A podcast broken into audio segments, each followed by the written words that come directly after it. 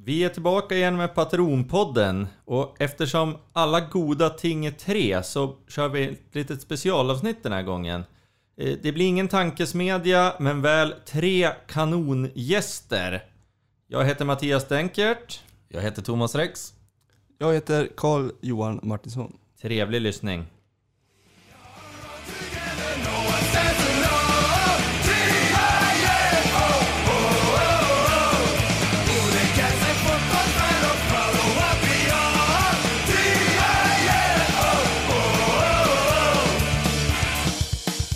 Har vi fått med oss en gäst här i studion. Stort välkommen Linus Hallenius.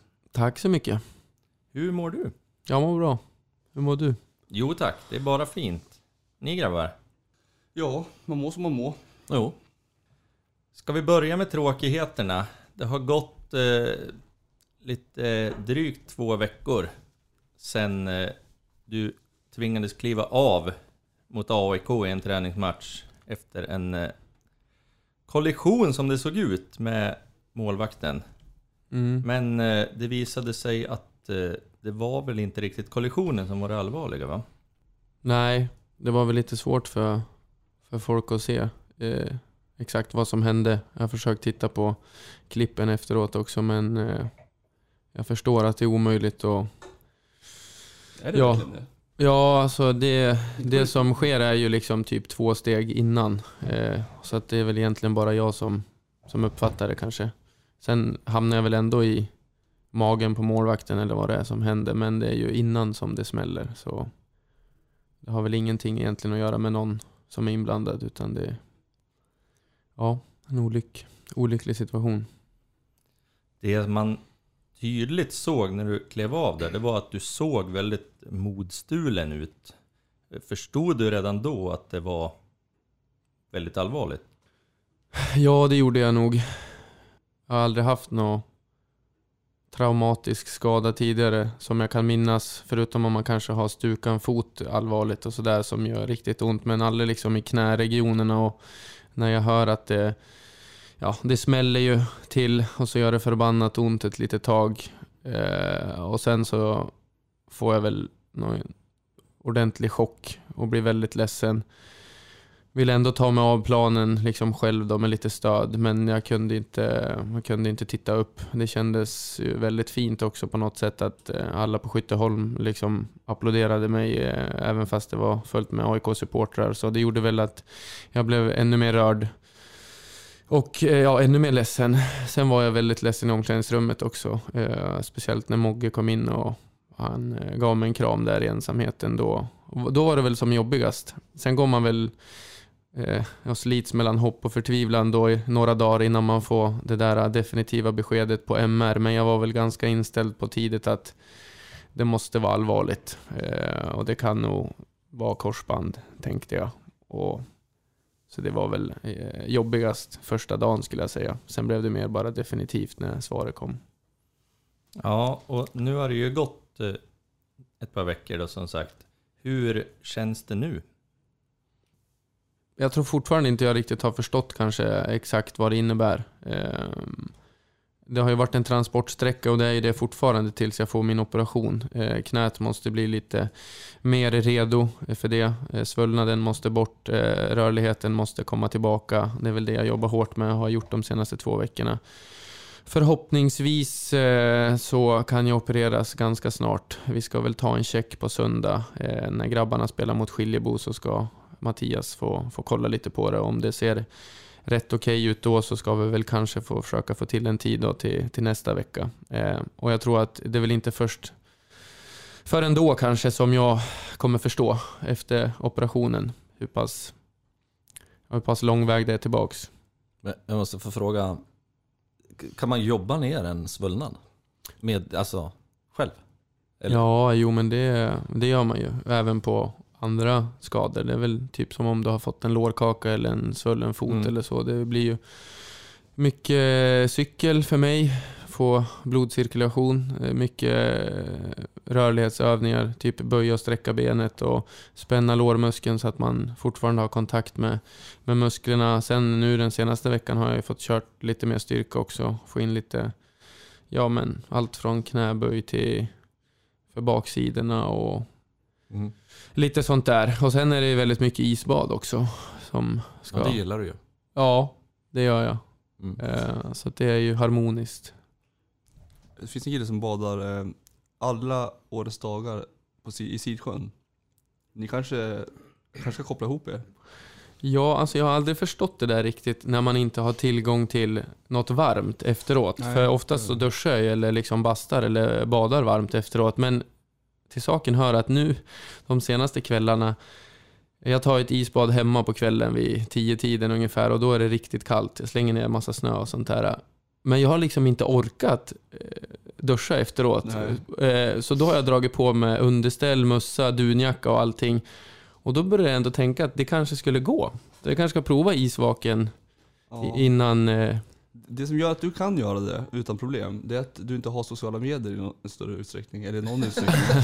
För att de som gillar isbad, de älskar att berätta Mm. att det är så härligt. De ska få andra att göra det här som är så härligt. Och det är alltid så här befriande för själen och allting. Om det är det, varför ska de ta upp Ja, mobilen då? man behöver inte dela det nu. Nej. Så um, blir Nej, det men så. då, jag kommer eventuellt göra det i, i tystnad. Ja tack, Ja. gör gärna det. Vi får se. så får du göra precis vad du vill. Men, men förutom eh, nattbaden i Sidsjön då, har ni lagt upp någon rehabplan redan nu eller väntar det till efter operation? Ja, det, det blir väl som tydligast efter operation antar jag. Men eh, det är ju inte första gången någon drar ett korsband. Och, så att det finns väl olika steg man ska gå igenom. Eh, så att det kommer väl bli eh, någonting som eh, jag och, och Sandra får, får planera. Sen kommer jag väl också ta ett visst stöd ifrån eh, från Simon i Halmstad som har hjälpt mig de, ja, de senaste sju, åtta åren. Och, han, eh, det blir väl någon sorts fusion kan jag tänka mig. Jag kommer inte stressa någonting heller utan jag känner inte något liksom att jag måste tillbaks på en viss tid utan för mig är det viktigast att verkligen komma tillbaka och lita på knät igen och känna att jag, att jag fortfarande kan spela fotboll. Så eh, det blir någon sorts kombination. Är det, är det standard vid sådana här skador att man får frågan om att gå och prata med någon typ? Alltså bearbeta eh, Ja men en, en förstörd säsong, det kan ju vara i olika skeden i ens karriär liksom. Att man, om man behöver ventilera det med någon annan än liksom sjukgymnasten, tänker jag. Du menar ifall man typ blir eh, råd... eh, Jag menar att, de, att, de- att, de Att någon säger att man ska göra det? Ja, Nej, typ det för- vet jag inte riktigt. Det, det tror jag man känner själv att man kanske behöver såklart. Ja, Sen vem man väljer, om det är någon i familjen eller någon vän eller om det är någon professionell. ja jag tänkte Så där, bara det vet jag inte riktigt. Men jag kommer väl absolut, jag har väl redan hunnit pratat med rätt många som har gått igenom samma Ja, sak och, och fått ja, mycket svar på frågor som man går runt med och sådär. Men som jag sa så jag är inställd på att det kommer gå lite upp och ner Mm. i huvudet. Eh, Men jag också lovat mig själv att jag ska försöka tackla det på det absolut bästa sättet jag kan och se det som en, en, eh, ja, en ut, utmaning för mig och väldigt utvecklande och försöka vara så positiv det bara går och hitta ett sätt att ja, växa från det och lära sig. Så att eh, jag är nog inne på att jag kommer kanske ta hjälp av någon och, och sortera det här och, och hjälpa dem att planera. Det känns ju som att du också kommer påverkas av eh, resultaten på planen eftersom du har liksom en, eh, hjärta i, i föreningen och brinner för det. Eh, Att det kanske kan spela in då hur det, att det är jobbigt att inte kunna hjälpa till och vara lite extra sådär. Ja, alltså det har jag väl faktiskt börjat känt lite att jag tycker att det är jobbigt eh, faktiskt och, Mm. och veta när grabbarna åker iväg på resor och, och ska Mm. spela match. Eh, självklart kommer jag se varenda match och jag kommer försöka ja, kolla på den väldigt noga så att jag kan komma med inputs och så när vi har analyser. Men eh, det är nog första gången jag har förstått att det, att det ändå kommer vara jobbigt. För jag får ju träffa grabbarna varje dag och jag får ju liksom skratta med dem och skoja med dem ändå. Eh, sen är jag inte med på träningsplanen och, och missa det roliga kanske med att, att träna tillsammans och spela matcher tillsammans och resorna. Men jag känner ju fortfarande att jag, att jag får träffa dem och vara en del av laget. Att, men blir eh, man med lite villkorat? Det? Känns det som att man liksom inte är med på riktigt? Att man blir lite så här den fula ankungen? Ja, nej men så, jag har inte hunnit känt det än. Jag tror att det kommer bli tydligare sen. Eh, Det är så färskt nu och det har gått så kort tid. Det blir väl ännu mer att man blir en ensam varg Mm. sen kanske. och så sen så tror jag kanske att jag kommer behöva lite distans också. Kanske få en viss period då man, ja, då man kör lite på egen hand. Mm. För att jag vill ju, när jag väl träffar grabbarna och är nära laget så vill jag ju eh, inte suga ur någon energi utan jag vill ju kunna ge energi och, och, och vara glad och vara positiv sådär. Så att eh, det blir, det blir ett, ett pusslande och en balansgång och se vad jag kan bidra med. Jag måste få fråga också, är det någon eh, specialistläkare som kommer att vara inkopplad och ska genomföra operationen? Är det något som ni har pratat om eller kommer det vara någon sån här allmän? Ja, nej men det är väl en av de mest erkända, antar jag. Han Mm. heter ju Magnus Forsblad och eh, jag har inte koll på eh, så många läkare i landet men han har, har jag ju hört talas om och det måste ju vara för att han har, har opererat en hel del fotbollsspelare. Att man har läst om det så. Mm. Han är väl en, en expert på korsband och för han är det nog mer en rutinoperation. Han har gjort det så många gånger så Mm. han ska väl vara proffs på sin sak. Ja, men eh, Johan var lite inne på det här med hur det kommer kännas att inte kunna bidra på planen och, och vara en full del av laget om man så säger. Men vad tänker du? Vilken roll får du och tar du i laget den här säsongen när du inte kan vara med och spela matcherna? Ja, men det är väl det vi ska försöka bena ut. Eh, jag pratade senast idag med Henke om det, att vi får, vi får se hur det blir efter operationen och hur lång tid eh, eh, som jag kommer behöva processa liksom, sådär, lite själv. Men sen vill jag väl försöka hitta ett sätt att bidra på. Och exakt hur det blir, det vet jag inte. Men jag är ju fortfarande samma person. Och, och eh, allt som jag gör runt omkring fortsätter jag ju göra på samma sätt. Och jag, jag, det kommer jag inte sluta med. Men det är klart, det är ju svårare att, att driva på på träningar och, och höja rösten i samband med träningar och matcher och, och sådär. Så att eh, jag vet inte exakt. Jag vet inte exakt, men finnas där. Sen får vi se om det finns nå, jag vet inte, har väl några små tankar i huvudet som jag kanske skulle kunna tycka är utvecklande för mig själv och, och som jag kan hitta någon glädje i. Kanske försöka hjälpa ja, men, hjälpa in individuellt på något sätt. Sådär. Vi får se vad det kan bli. Tror du att det går att ha en roll där man kan göra skillnad där ute på planen fast att man inte är med så att säga? Om du förstår vad jag menar? Att du kan påverka ändå från sidan?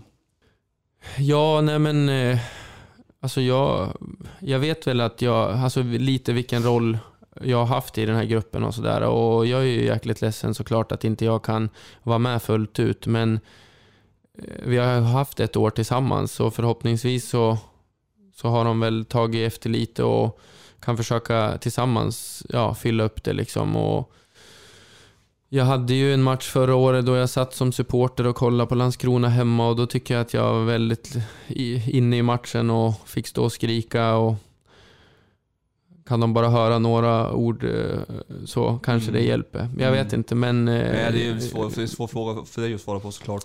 Nej men det, det, det, blir, det är väl en... Det är väl en, eh, en, en process för, för coacherna och för, för spelargruppen att hitta ett sätt att få ihop det här på. Självklart så, nu kommer vi från en riktigt dålig match. Innan mot Elfsborg så såg det bättre ut och vi Mm. förtjänade kanske lite mer. Men eh, det handlar väl om att så snabbt som möjligt lära sig exakt vad som, ja, vad som krävs det här året. För att det, det Mm. kommer ju bli eh, oerhört tufft. Eh, och det hade det blivit även om jag hade varit på banan. Det, det är ju en nivå till och det är Mm. inte många som har spelat på den här nivån. Och alla lag som vi möter i år skulle förmodligen ha vunnit Superettan förra året. Den där, jag kallar det för ödesdigra dagen då på Skytteholmen för ett par veckor sedan. Då satt jag på läktaren bredvid GIF-profilen Erik Lövgren. Och det pratade jag och Johan om innan här att han kanske inte är den som är mest balanserad vad gäller... Han lider ju med Giffarna så jävligt. Han gör ju det. Och då sa han det där när, när du klev av att ja, är det korsbandet nu på Linus så kan vi lika gärna, gärna lämna walkover i den här serien. Och vi ska inte lämna walkover och vi ska, för, vi ska klara oss kvar, tänker jag. Men jag tänkte höra med dig, vad, hur tror du att det kommer gå för laget och vad är det som talar för att vi klarar oss kvar i Allsvenskan?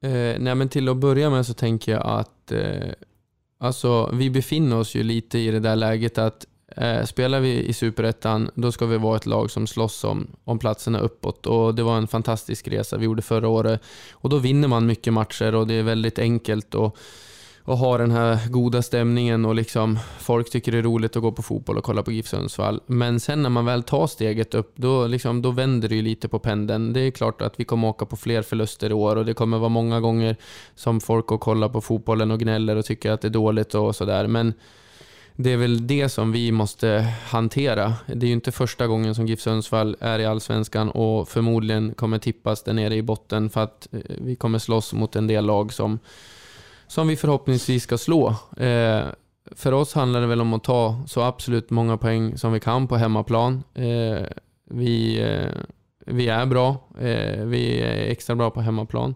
Och sen så försöka stjäla så många poäng som möjligt på bortaplan. Och framförallt då kanske mot de rätta lagen, om det nu finns några sådana. Men vi, eh, ja, vi får ju absolut inte tumma på det som gjorde oss bra förra året. Det var ju att vi är en grupp som jobbar stenhårt för varandra, som hjälper varandra, som liksom på något sätt hela tiden backar varandra. Eh, en god gruppstämning, alla tycker om varandra eh, och samtidigt så måste vi höja nivån på allting. Eh, del, dels kvalitativt men även kraven på varandra och kraven på sig själv.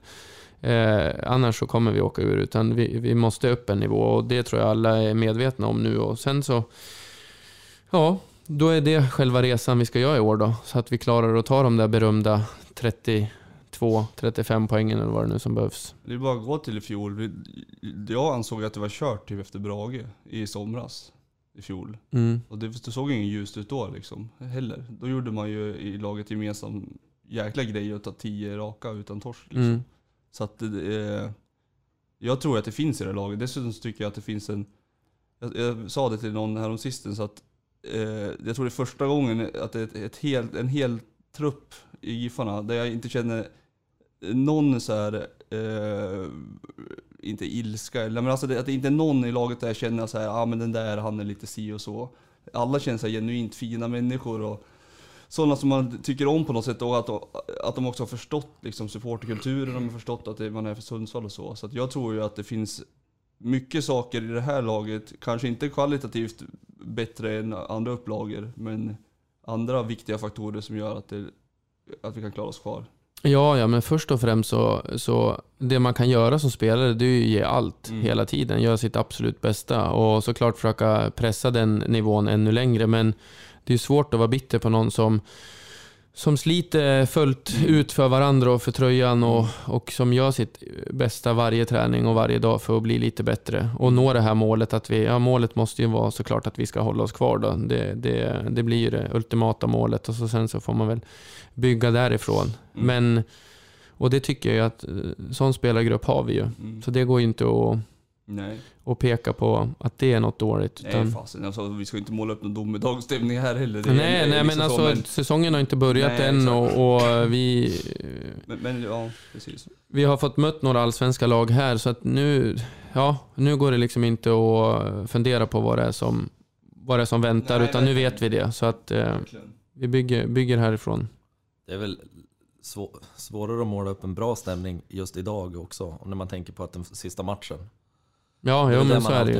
Ja, men så hade blir vi det ju. haft den här intervjun innan den matchen så kanske vi hade haft en annan. Mm. Ja men så är det ju. Man minns ju bara egentligen den senaste matchen och som fotbollsspelare minns man nog kanske bara den senaste träningen. Så pass mycket Ja, pendlar, det är i, bra. pendlar i våra liv. Men på ett sätt kanske det är bra att vi har fått en match mot liksom ett topp 4-lag eh, som vi visar att vi ändå är med. Vi kanske till och med skulle Absolut. ha tagit poäng. Det, var, det det tyckte jag var väldigt härligt att vi kunde åka dit mot ett så pass bra lag som har haft samma tränare och byggt eh, någonting och kunnat köpa spelare för ganska mycket pengar. Eh, och sen också att vi får, kanske åker på en nit då. Nu ska man inte säga att det är skitbra att, att torska så här, men ibland kanske det är det. Att vi har fått sett båda världarna. Att så här, om vi inte gör allt, då kommer vi inte att klara oss. Och gör vi allt så kan vi slå de bästa. Ja, nej men det där är jag lite inne på, det där med men, det mentala. Att eh, man får kanske lite gratis när man möter vissa lag på pappret sådär.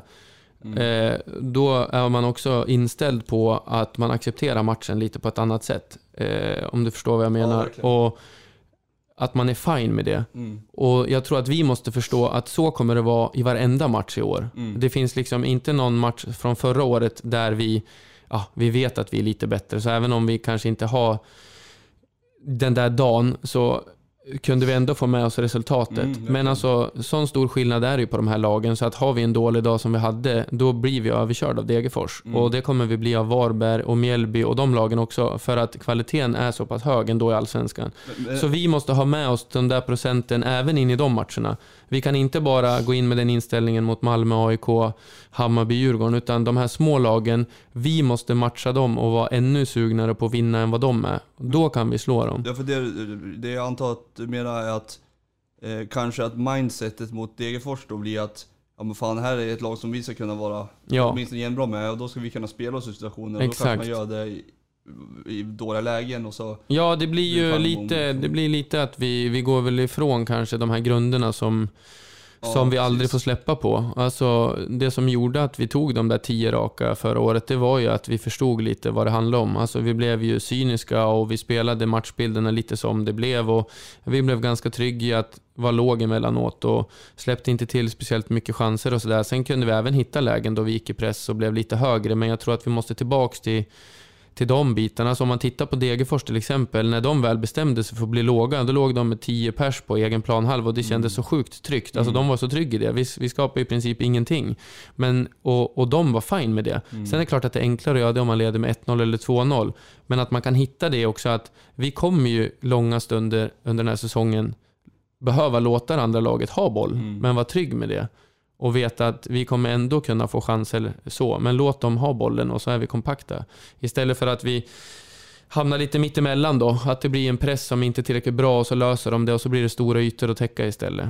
Typ Västerås borta i fjol, jag vet inte, om det var 17-6 i avslut Västerås Mm. eller någonting. Alla föll ihop efteråt kändes det som av liksom slit. Ja, Eh. och en sån match då som vi vann, eh, det kanske vi gjorde också för att det var just mot Västerås. Jo, jo, hade, hade en- sån insats eller prestation gjorts i år mot ett allsvenskt lag, men då kanske det står 4-1 istället. Alltså, ja, det, absolut. Men om inte liksom Novik faller ihop av att han har sprungit eh, coast to coast, som man brukar säga. Mm. Eh, så kanske vi hade torska, torskat ändå eh, mot Västerås Ja, absolut. Nej, men alltså, kändes som sagt, slitet och inställningen och det där, det, det tycker jag aldrig att vi har visat liksom upp någon dålig sida av. Utan, Nej, nej precis. Nej, och, nej, det var senast då som jag kände. ja, men jag tror, ja, det, det är ju Ja. svårt eh, när man får Ja, men alltså när ingenting stämmer. Nej, vet, alltså, Då är det såklart jäkligt svårt när det blir någon sorts kollektiv kollaps. Vi hade ju sådana matcher förra året också. Sådana matcher kommer ju dyka upp, men nu har vi lovat varandra att det här var ju den matchen förra året och det kommer inte igen. Så Nej exakt, och jag menar ju inte heller att jag tror att någon går ut där och inte gör eh, sitt allt. Det är inte det. Jag upplevde snarare någon slags eh, eh, så mental, att vem, vem ska ta tag i det här nu? Och så att man saknar kanske ledarfigurer. Och så är det några som ska slå sig in i startelvan som är nya, några unga som ska, liksom kanske inte är hierarkiskt är där. Och att det inte fanns någon riktig lösning för ifall att eh, Linus Stensson, Robban, Lalla är borta. Då är det du som ska, liksom, alltså, att det, man kanske måste göra något sånt, vad vet jag. Det var mer det än att jag, att jag inte tror att folk kämpade liksom. Ja, nej men... Eh, nej men jag förstår. Nej, men jag tror att det är kännbart för, för alla lag om man har jättemånga spelare borta som kanske just för tillfället anses vara sådana som spelar från start. Mm. Alltså, det, så blir det ju. Men, men det är ju en, eh, en del av allas utveckling också att, Ja, eh, att växa. Verkligen. Och det kommer alla som spelar den där matchen lära sig av. Alltså, så att, eh, Mm. Det var nog en bra käftsmäll att få nu istället för att få den i serien. Jag tänkte få avsluta här med att eh, ställa en tråkig fråga, men som jag tycker bör ställas. Och eh, anledningen till att jag ställer den också för att jag tänker mig att vi får ett positivt svar som avslutning. Och det är, du fyller ju 33 år här senare i år. Mm. Eh, Och nu kommer du missa en hel säsong med fotboll. Är det 100% tanke att nästa år står jag på planen igen i GIF-tröjan i Allsvenskan? Ja, det är väl eh, solklart min tanke i alla fall. Jag ska tillbaka från den här skadan och jag vill sluta spela fotboll när jag känner att jag själv bestämmer. Eh, så får vi väl se hur det känns på andra sidan. Men eh, jag vill absolut sluta på, på mina egna villkor och inte låta någon knäskada på Skytteholm bestämma det. Jag hade tänkt att jag också skulle ta en fråga. Men om du vill ha den som sista så får du inte ha det. Du får komma på med en ny snabbt. Jag tänkte Sirius borta i premiären. Vilken buss åker du i? Patronbussen eller spelarbussen? Oj, jag har inte ens eh, tänkt så långt. Det var en bra fråga. Jag, jag, jag tänker att eh, allting beror på lite när min operation blir genomförd och hur jag mår de första två veckorna efter det. Eh, det blir liksom som nytt för mig. Åker du patronbussen så köper vi kilo åt dig. Ja, det skulle vara en upplevelse att kliva in i patronbussen tror jag. Vi, det kanske är farligt också att göra det för nära in på operationen. Eh, jag tror att man ska vara ganska försiktig med knät i, i början. Så vi, får, vi får se när det kan bli aktuellt. Du kan få sitta längst fram med chauffören, det går bra. Sköta mikrofonen. Kartläsare. Det är som en Narnia att gå in i en sån där buss. Ja, nej men det kanske kan bli någon bortaresa i år i alla fall. Ja, Silver sa det senast idag till mig faktiskt. Bra, att jag Silver. måste ju välja en resa som jag hänger med på i alla fall. Och då tror jag nog att de menade att jag skulle sitta på spelarbussen. Men eh, Dåligt silver. Dåligt. vi får la se. Vi får la se. Tack så mycket. Och eh, stort tack till dig för att du tog dig tid att komma hit. Tack så Och mycket. nu kan jag säga det som jag brukar säga till folk på skoj ofta, men krya på dig och jag menar det. Mm, tack, tack. Verkligen. Tack. Krya på dig och lycka till. This is a special occasion. For the first time ever, we're gonna do Patronpodden in English. And the reason for that is because we have a special guest here. Much is welcome, Forrest Lasso. Thank you, thank you, Doc. How are you? I'm good. I'm very good. Mycket bra. Mm? Or should we call you Lasse Skog? Uh, whatever works. whatever works. Forest, It's Scoob. Bosque, whatever. Yeah, we, we got to learn here uh, earlier today that uh, that's the nickname the guys in the team have given you. Yeah, I knew. I kind of knew Skoog. Uh, obviously, just whatever language it is, people always like to call me Forest or the equivalent. But the last A part, I thought was just my last name, said kind of like loosely or lazily. But I come to find out that Lasse is like old man in Swedish or something. So uh, I don't know if that's a, a shot at my age or just maybe the way I look. I don't know, but Lasse I'm, Skog I'm here is the for it. perfect equipment ma- ma- equip- equipment manager name. Uh, I'll take it. I, I like it. So you should talk to the guys. I, I like to say I have an old soul, so maybe that's why. Who knows? And we, we have a main suspect in who came up with this nickname in Pontus Engblom. I mean, I think y'all are right. I think you know by now who makes up the nicknames. Yeah. The uh, his wife Jessica, and then um, Rasmus's wife Camilla, Eric's wife Eric, her girlfriends, whatever whatever they may be. I guess they they all hung out before I kind of met my uh, my teammates. They had like a girls' dinner. So my wife told me about the nicknames before I had even heard about the nickname. She's like, "So yeah, I heard you got a nickname." I'm like, "Well, beats me. I have no idea what it is." Oh, it's a great name. yeah. Uh, thank you. Lasse Skog. I, I like Lasse Scoop. Mhm. First of all, we before we pressed rec here, we ate a semla together, Oh, yeah. Swedish pastry, and that's because yesterday was Fet Tisdag or Fat Tuesday. Mm-hmm. Uh, do you like the semla? Of course. I don't discriminate. I eat everything. uh, no, they're really good. I kind of told you briefly when we first came here. Uh, that was one of the pastries or treats that we were told we had to try, and we went to a, a cafe and got like a mini one. Mm. I guess the mini one didn't have much almond pasting or al- almond filling, so I didn't know there was that part of it. So then yesterday I had uh, my first proper semla, and it was incredible. I mean, uh, they the pastries here don't compare to anything like in the states. Obviously, I think they're a little bit healthy. Not I don't think. I think I, I know they're healthier for you than what I'm used to. So I don't feel as bad eating them. This time of year uh, is also um, uh, a time in Sweden where you, people find out new types of semla. There's the worst thing I, I know. Yeah, it's I like hate it. a big dis- discussion. It's the um, yeah, like the traditional people who likes the semla as it is, and you shouldn't like, yeah, you shouldn't touch it. What are the variations? Uh, everything, Ev- Uh, like e- exactly everything. You can have, um, um, yeah, you know, like fish eggs, like Like caviar, caviar, like on a semla. uh, yeah. Where Okay. have you seen this? Uh, Sounds Clarion Hotel in Gothenburg. Okay. Uh, then you have like this raw food semla, who of course is gross. Uh, it's, it's I- every. yeah, I mean, that sounds crazy. Uh, Wiener bread. the Danish. Danish bread.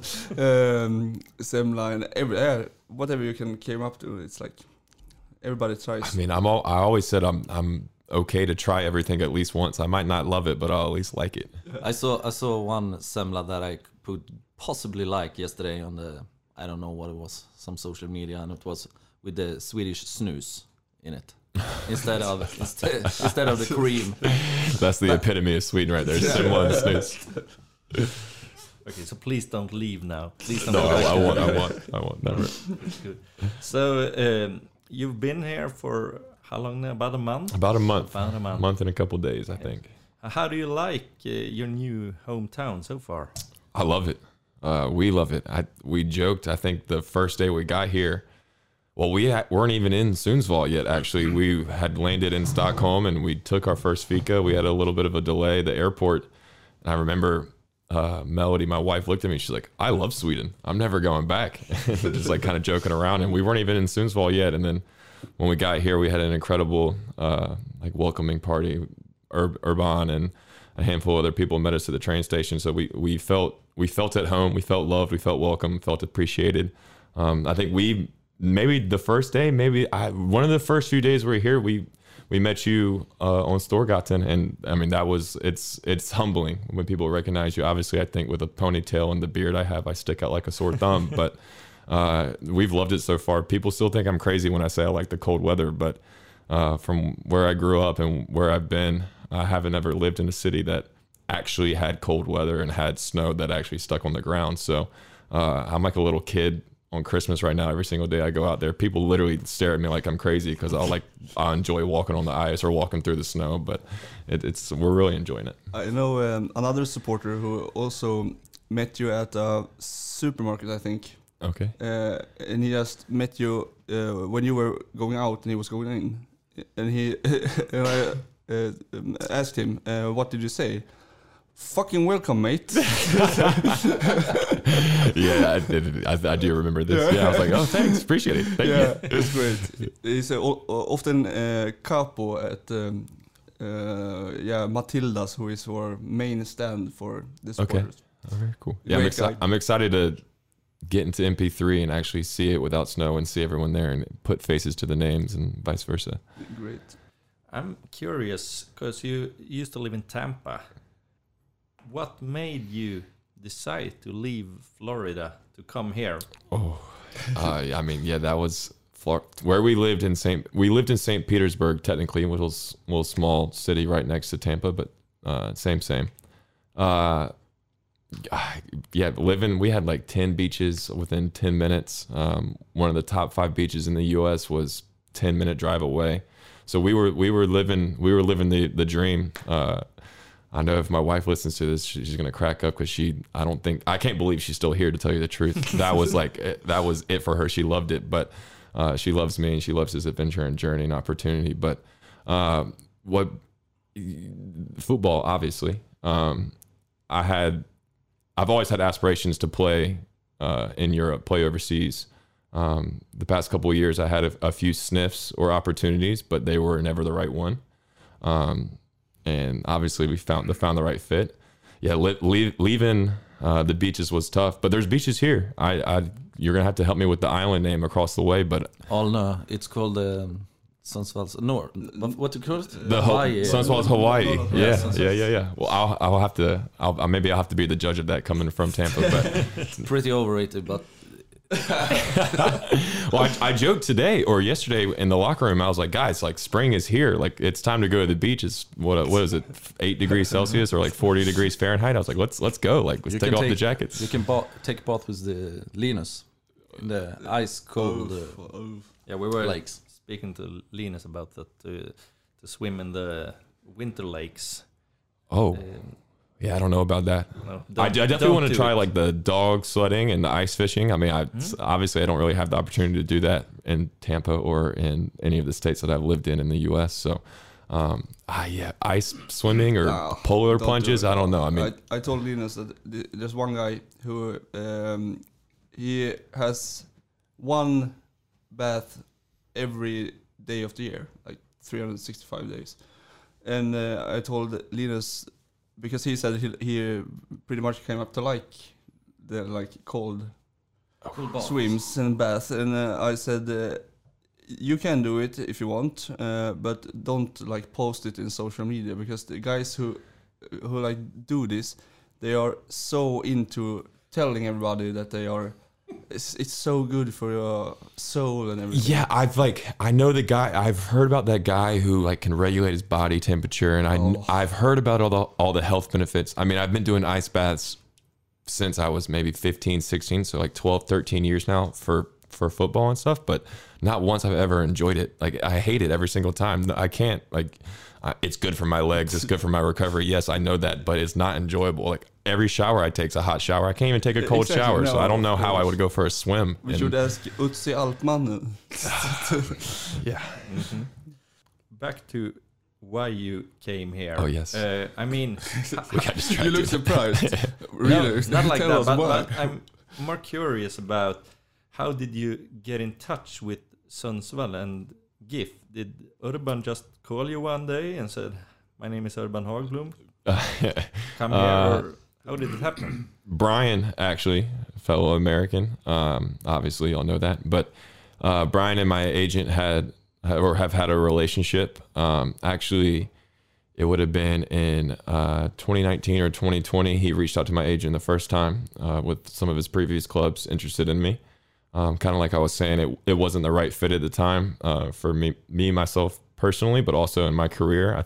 I, I knew I had a lot of development still to. I mean, I still do, but I wasn't ready to make the move yet. Um, and so then a couple years passed, and uh, this past December, right around Christmas time, uh, my agent actually it was a crazy story. It was the weekend of my wedding. Um, my wife and I got married December nineteenth, and that that was a Sunday. On Friday, we had our rehearsal dinner, and I was like running errands that morning, going to drop off flowers or something. And my agent calls me. She goes, "I know you have a lot going on." I was like, "Yeah, I'm getting married. Like, I it's the busiest weekend of my life, almost, or definitely." She's like, "Well, there's a uh, there's a coach. You remember Brian? You know, he would love to have a conversation with you." I was like, "Can we do it Monday? Can we wait till next week, maybe?" Um, and we had a conversation a couple days later. Uh, a day or two passed after that, and uh, Henrik wanted to have a conversation. We we spoke, and uh, I joke because we had the first uh, point of contact was like like I said on my wedding weekend, and then I come to learn as well that y'all celebrate uh, Christmas a day early, different than mainland Europe. So it was December twenty fourth. I was in our house. Um, my parent, my wife's parents were there, wearing like Christmas pajamas, pajamas, doing the whole like Christmas thing, Christmas thing, and Henrik called like spur of the moment, and we had that conversation, and then a couple days later, uh, the contract came about, and we negotiated for a couple days and got everything figured out, and here we are. But yeah, it was, it came out of left field. It was, it was, it was a surprise to me. It was a surprise.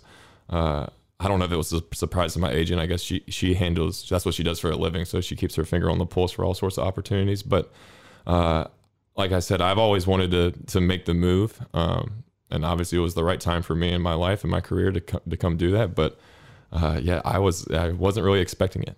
was it like um, um, to know that it's, like the right time? Uh, is it uh, like a definitely good feeling when you start? Like in in this case, you you have to do it like over telephone and stuff. Yeah, it's, I mean, it's definitely tricky. Um, it was a first for me having, you know, being having my whole career in the states. I, I understood uh, football in America, both in the USL level and the MLS. Obviously, uh, after a handful of years playing, you played against or with most of the players except for the younger guys. Um, you know a lot of the coaches. You know a lot of the GMs. pond, like uh, Yeah, so like I, I I knew nothing. Yeah. Obviously, I had watched uh, Sweden compete on the international level. I had watched uh, you know Malmö AIK and Champions League and Europa League, but I didn't know much about Allsvenskan. I didn't know much about GIF. Uh, I did actually know Pa Konate. Mm, uh, yeah, we were teammates in in 2018 in Cincinnati. Um, so that was like the only connection I really had. But he was he was only with us when I was at that club for a few months, so we didn't have the chance to bond all Mm. too much. Uh, but it, yeah, it was talking over the phone. I mean, football is a universal language. Yeah. Obviously, y'all primarily speaking Swedish, me speaking English, doesn't Spanish. I mean, it doesn't really matter what language you speak if you understand the game. Uh, that's kind of how you get along. So having the first conversation with Brian was was super important because we were able to talk uh, as two English speaking Americans just about everything in between, and then Henrik's English is also extremely extremely good. So. Uh, talking about the game and tactics and systems over the phone was new for me. Um, obviously, in this world, your all your games, a lot of your uh, trainings are recorded. So they had the film, they had stuff that they could watch. Urban, I know, had mentioned he watched a handful of film on me, so they had seen me play and compete. But I mean, even I think watching it on TV is totally different than seeing it in person. So obviously, none of the staff here had seen me play in person, which you know, you, you raise that question of like, you know, do they understand me as a person? Do they understand me as a player? Um, and and we they trusted and, and believed, and we believed in each other, and uh, yeah, it was it was a first for me. Um, I mean, we could talk. Y'all obviously do this all the time as podcasts. We could talk about football till the day we die. uh, but yeah, it was new. Yeah, great. It's uh, yeah, it's uh, interesting how to like, uh, like you uh, have some like opportunities before and how uh, to know that it's it's right. Maybe it's just a feeling like Yeah, it, it was. Um, obviously, there's the business side of it with contracts Yeah, and, and the small numbers and all that nonsense. Mhm. Um, but for me, it was always about, you know, trying to be a better footballer every day and going into a, a, a team, a club, a, a league, an environment where I can improve and get better. I have a kind of a stubborn mentality about that where I, I try to be better every day. Um, you know, try to be better tomorrow than I was today type mentality. So, uh, in my career back in the States, I, I had a lot of success. I, uh, I was very fortunate to kind of develop every year. I, I got into football at a young age, kind of late. A lot of my friends have been playing at a higher level than I did. So ever since I was nine, 10 years old, I was kind of fighting an uphill battle. Uh, so then once I thought I had matured enough or developed uh, as much as I could in in in American football, I, I thought it was time for me to go challenge myself and, and challenge my game and and uh, obviously, like we said, the opportunity just kind of appeared out of nowhere and fell in my lap. So. Uh, I had been hoping, I've been, like I said, I've been wanting to come overseas or looking for the opportunity since about 2018, 2019. So it took about three years to come to fruition. So it always been on the back burner. I always thought about it. I always, it was an aspiration of mine. Um, but it, it, yeah, it's still, I still I get chills or it's still reminisce on like the first day my phone rang and I saw the plus four six area code. It's like, okay, here it goes. Like it's, you know, it's time to do this thing. yeah. But I, I thought of one thing there. Um, you spoke about it now. When you were young, you played soccer. Was it the obvious, the right choice right away for you in the states? Yeah, You have baseball, you have American football. Well, what's funny, I wasn't always this tall. I was like uh, 160, 160 centimeters when I was 16. Puberty and I uh, did not get along at first. I was a late bloomer.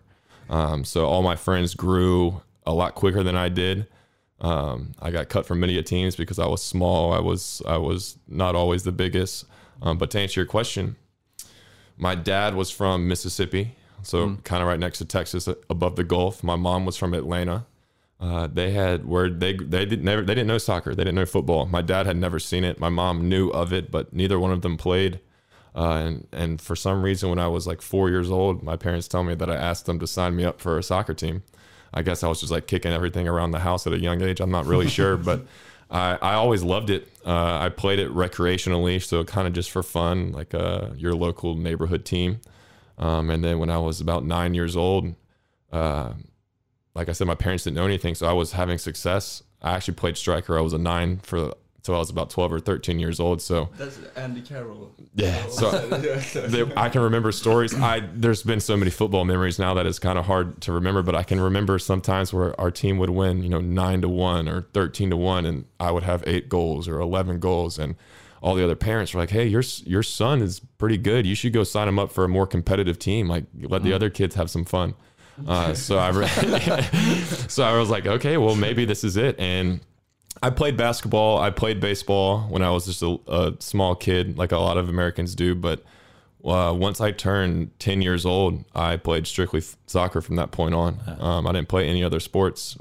I still haven't. Um, Is it um, in America? Is it um, a early choice for kids? Like you choose your sport, or do you play different sports? You kind of play it all. I, I had friends that played uh, football. I mean, my my youngest brother right now plays football and uh, basketball for his high school team. Okay, yeah.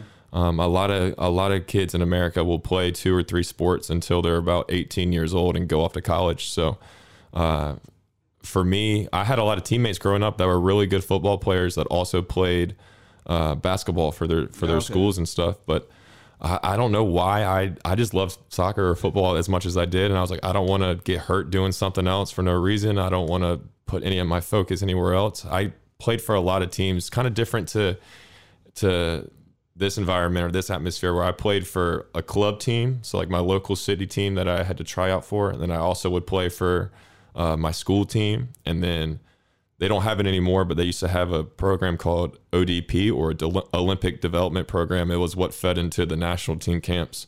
So from uh, 11 to about 18 years old, I was playing for three different teams. So I was I was pretty much busy 365 every single day. But is it So- like the district? Uh, like you play for your district, then? Yeah, yeah. more or less. Yeah. Okay. Mm. But it's a growing sport in America. So Oh, massively. I mean, Yeah. it's even hard for me to kind of explain and talk about, especially to a new audience internationally, because it's changed so much since I was a teenager. Uh, the the ideas of like Sundsvall's youth teams and stuff for the you know 14 or 16 year olds, we didn't have that when I was growing up. Um, for our clubs, that wasn't that was inexistent, but they have it now. Uh, MLS clubs have their own youth academies or youth teams now. They didn't have that when I was a teenager. So the, the landscape has changed massively. Um, I even think about the pro game when my first contract in 2015, um, we, there wasn't a players union or players association. There is one now. Uh, this a lot of the standards uh, with with, I mean everything about the the game has changed massively, night and day difference. And I think that just comes to speaks about like the popularity of soccer in America. Like it, I mean, my parents, my dad never saw the game growing up, and that was the 70s and 80s. You know what I mean? It's crazy to me. My mom can remember the World Cup uh, when it was in Atlanta, but I mean, that that's about it. That's all they knew. They knew you kicked the ball on the ground. Silverdome. Yeah, that was in Detroit. Yeah. it's a 94. Yeah. That's 94. a big but- thing for us Swedes, of course. Yeah. The World Cup in, in the US 94. Oh yeah, I I I know this. I know this very very well. But um, I have a question. I was wondering about why do you call it soccer and and you call it and you call your football football when you don't when you don't uh, even use your feet.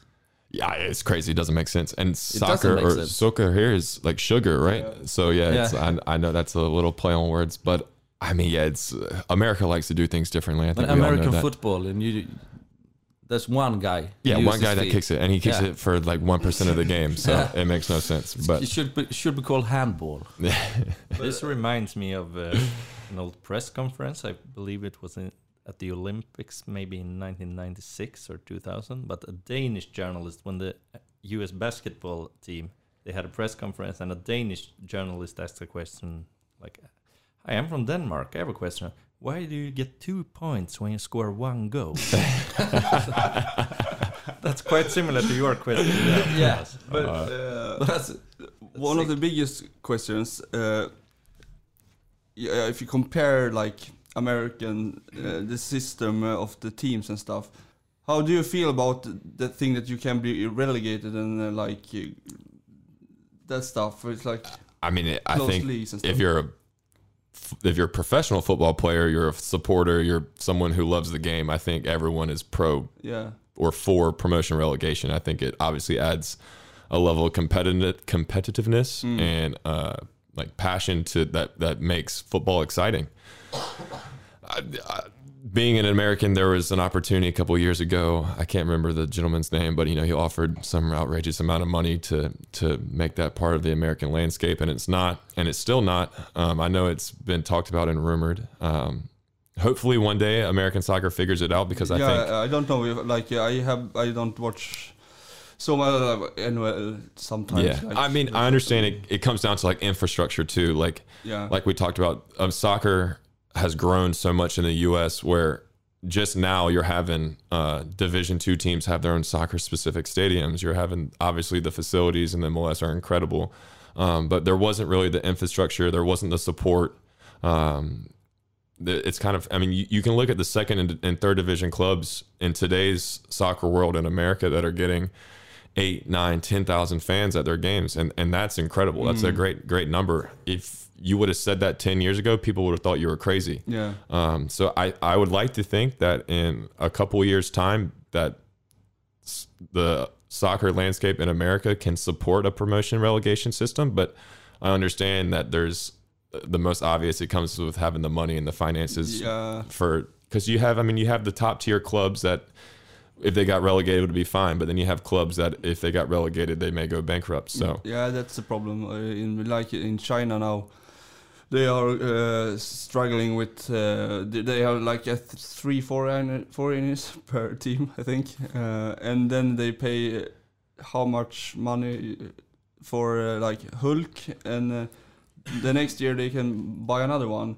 and then they release him from the from the contract, and it's like okay, uh, yeah, what's the what's the point? And now I, I heard that like many of the teams who is been relegated in, in China, uh, then they just have to like yeah close it down more or less. And, Yeah. and that's of course a problem to to change from this system to this is, but I think it um, it's interesting uh, what what what could happen in in like America with like small uh, village teams who yeah, climbs up the uh, I mean, in my seven years playing so far in America, there's been a couple clubs that I played with that uh, are like suspend, not suspended, but are on like pause. You know, they, they took a year off, or or they uh, or they folded, or they went bankrupt, and it's and it's kind of what we talked about earlier. Is the landscape has it's the popularity has grown so much um, that at the beginning there were cities that had clubs that got great support, but then those cities aren't as popular anymore, or new clubs came in other areas. So, uh, numbers wise and like supporter wise, of course, America has the means to have uh, a promotion relegation system. Um, I think it, it's it's a little trial and error. So I think they're they're building a, a structure or or infrastructure that will support that. Uh, but it's just kind of finding finding that right balance. Um, I mean, I can remember in the early. I mean, I played for FC Cincinnati when they were in the second division, and we had thirty-two thousand people every weekend. I mean, that's ins- that's insane if you think about it. Um, but then you have teams like Seattle Sounders and Atlanta United who are in the MLS, and they're having eighty thousand people. Uh, but then you could also go the next weekend and play against a smaller club who would have 500 people in the stands. yeah So like in terms of just ticket sales, you know, there's a giant difference in, in finances and money right there. So uh, I think, I mean, that's way above my pay grade to try to figure all that out. I'm definitely intrigued by it. I actually wrote uh, like a 40 page paper on it. My college thesis was kind of about the MLS structure and whatnot. So I'm intrigued by the whole idea. The the business academic nerd in me uh, loves talking about it, but I I understand that there are a lot of wrinkles that need to be Yeah, ironed out before it actually happens. And I'm curious, what did you study in I studied business economics. Um, I went to Wofford College. It was a liberal arts school. So most schools have a business major or an economics major. The school I went to had a, a hybrid or a combination of the two. And then within that degree, I kind of specialized in marketing slash social media. Now that we're talking about uh, sports in the US and football in the US in particular, uh, I'm a bit curious about the, the supporter culture in the US because I Mhm. guess you have you haven't been able to experience a lot of the supporter culture here yet. That'll come, but uh, how would you describe the supporter culture in the US? passionate um, and, and exponentially growing. Uh, I've been really fortunate to been to be a part of clubs or or play for clubs that had uh, a really historic upbringing. Charleston Battery, my first club, uh, was. Um, and, and excuse me if I get it wrong. If someone from Charleston is listening, either the oldest or one of the oldest uh, clubs in America. They were founded in 1993, which I know sounds crazy to y'all, considering GIF was what 1904, I believe. 1903. 1903. excuse me so yeah like i should know that dang it uh, but so like it, it's a different world um, you can i'm sure or i would i don't know if i'm not sure but you can see uh, like i said the cities like cincinnati that can bring in 30000 plus people a weekend atlanta's and seattle's with 70 80000 people you have cities that have really embraced uh, the football culture and supporters cultures. You have to walk through the cities. You can go to the cities and see uh, the scarves and the lights and and and, and the kits and on regular people and people know what's going on. And then you also have the other side of that coin where you have cities that don't know. Um, I've been also on clubs where you'll go somewhere and you'll say, "Oh, I play for you know X club," and they go, "Oh, we have a soccer team here," and you're like, "Oh man, that that stings." Um, That but sounds like Östersund in Sweden. but it goes i mean it, it goes back to like you have american football and, and the nba the nfl and the nba and then also baseball with mlb i mean you have three multi-billion dollar i- industries that that It's a lot of merchandise. yeah they run they they have r- just flooded the market they obviously were there way before soccer was and and they have put the anchor down i mean they they own that but thinking about how far soccer's come i mean since the 94 world cup in america and to where it is now i mean uh, i think I can. I remember talking to my parents about the '94 World Cup, and they were like, "Oh yeah, we went," and that's all they know. They just knew the soccer was here. They didn't know anything about it. But then, uh, shame on us. But most recently, when we didn't qualify, you had people in the streets that were furious and like they they were seriously invested in American soccer and the team. And obviously now you have a lot more bigger name Americans playing abroad that kind of bring the spotlight towards it. But uh, the supporter culture is is I mean, it's it's electric. It's passionate. Um, it's I, I can't I can't say what it's like here because obviously I haven't experienced it myself. But uh, from the pictures I've seen or the videos I've seen, I mean, it's it's comparable. But uh, I have a friend who's been uh, in the states watching um, watch watch baseball. Mm-hmm. Is it a difference between the soccer uh, supporters and the baseball supporters? Because he he told me they were shocked to see the fans in the stadium. they they were there there for the eating I was about and to the, the say, drinking, yeah, and then um, a social event, if you yeah, will. it's a social event. And then uh, about the sixth inning or th- something, then when they were finished eating and drinking, they just went, went home. Yeah, Yeah, and, and- the stadium was empty. And I thought, Oh, was it, it's the game over? Well, no, it's. I uh, mean- what is it? Nine innings in baseball. nine innings. I think they have like 182 games a year or something like that. I mean, my granddad played baseball. My uncle played baseball. I don't like to talk poorly about one of America's pastimes or you know a sport that they hold so dearly to them, but. I'm not a huge baseball fan. I, obviously, I mean, I think I never played it. I thought the game was boring. a difference but Massively, supporters? massively well? massively um yeah I, I mean i've been to a handful of baseball games and you would go for you know because you wanted to sit in the sun for three hours and have a couple of beers and get a couple of hot dogs and and you didn't care about the teams or the results because they had 180 games i mean you could lose 70 of those games and still make the postseason or still make the playoffs so it's kind of hard to to rally behind a system like that where games don't hold as much value um and then kind of similar to the NBA. There's a lot of games, so fans have a hard time uh, being invested in every single game. But the supporter culture with the NFL is similar to football here, where uh, every game does matter, and and the you, no one wants to lose at that point, and, and the supporters you can you can feel that. Mm, it, it it's like it hits me. Maybe I'm I'm totally wrong now, but it hits me like because uh, do you know the 51% rule who, who, which we have here in Sweden? Fifty uh, the owner or the Uh, yeah, membership like the, for the, clubs are owned by like fifty one percent of the yeah, people. Yeah, like uh, members like owns always 51%. Yeah. Um, uh, that you start with having a good team in USA and then you fix the supporters and maybe here we fix the supporters first and hopefully get teams. Yeah, I think it goes back to the one of the first questions with promotion relegation, um, especially in football. Like when you know that you could be the worst team in the league, but the next year you would still be competing in the top tier. Yeah, what happens if you, if you finish last? Like nothing. Nothing. You Ah, okay, it's not. you get a you get awarded the wooden spoon. You know, you're just like the, the worst team. It's a trophy. Yeah, so, so you, say you still get a trophy for sure. Uh, but yeah, I mean that and that supporters obviously you never want to see the team you support do poorly.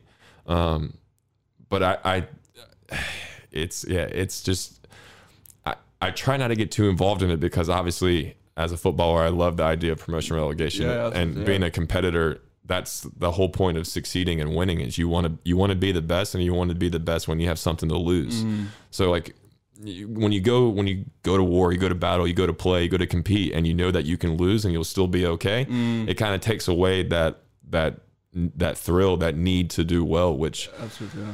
I mean, as a supporter, like, uh, yeah, I mean, I obviously have clubs that I support. Uh, I like to feel, I like to think I get my competitive fill from what I do as a job. So I'm not a full time supporter yet. When I'm when my playing career is done, we can have another conversation Yeah, about it. But yeah. uh, yeah, it's it's uh, yeah, it's tough.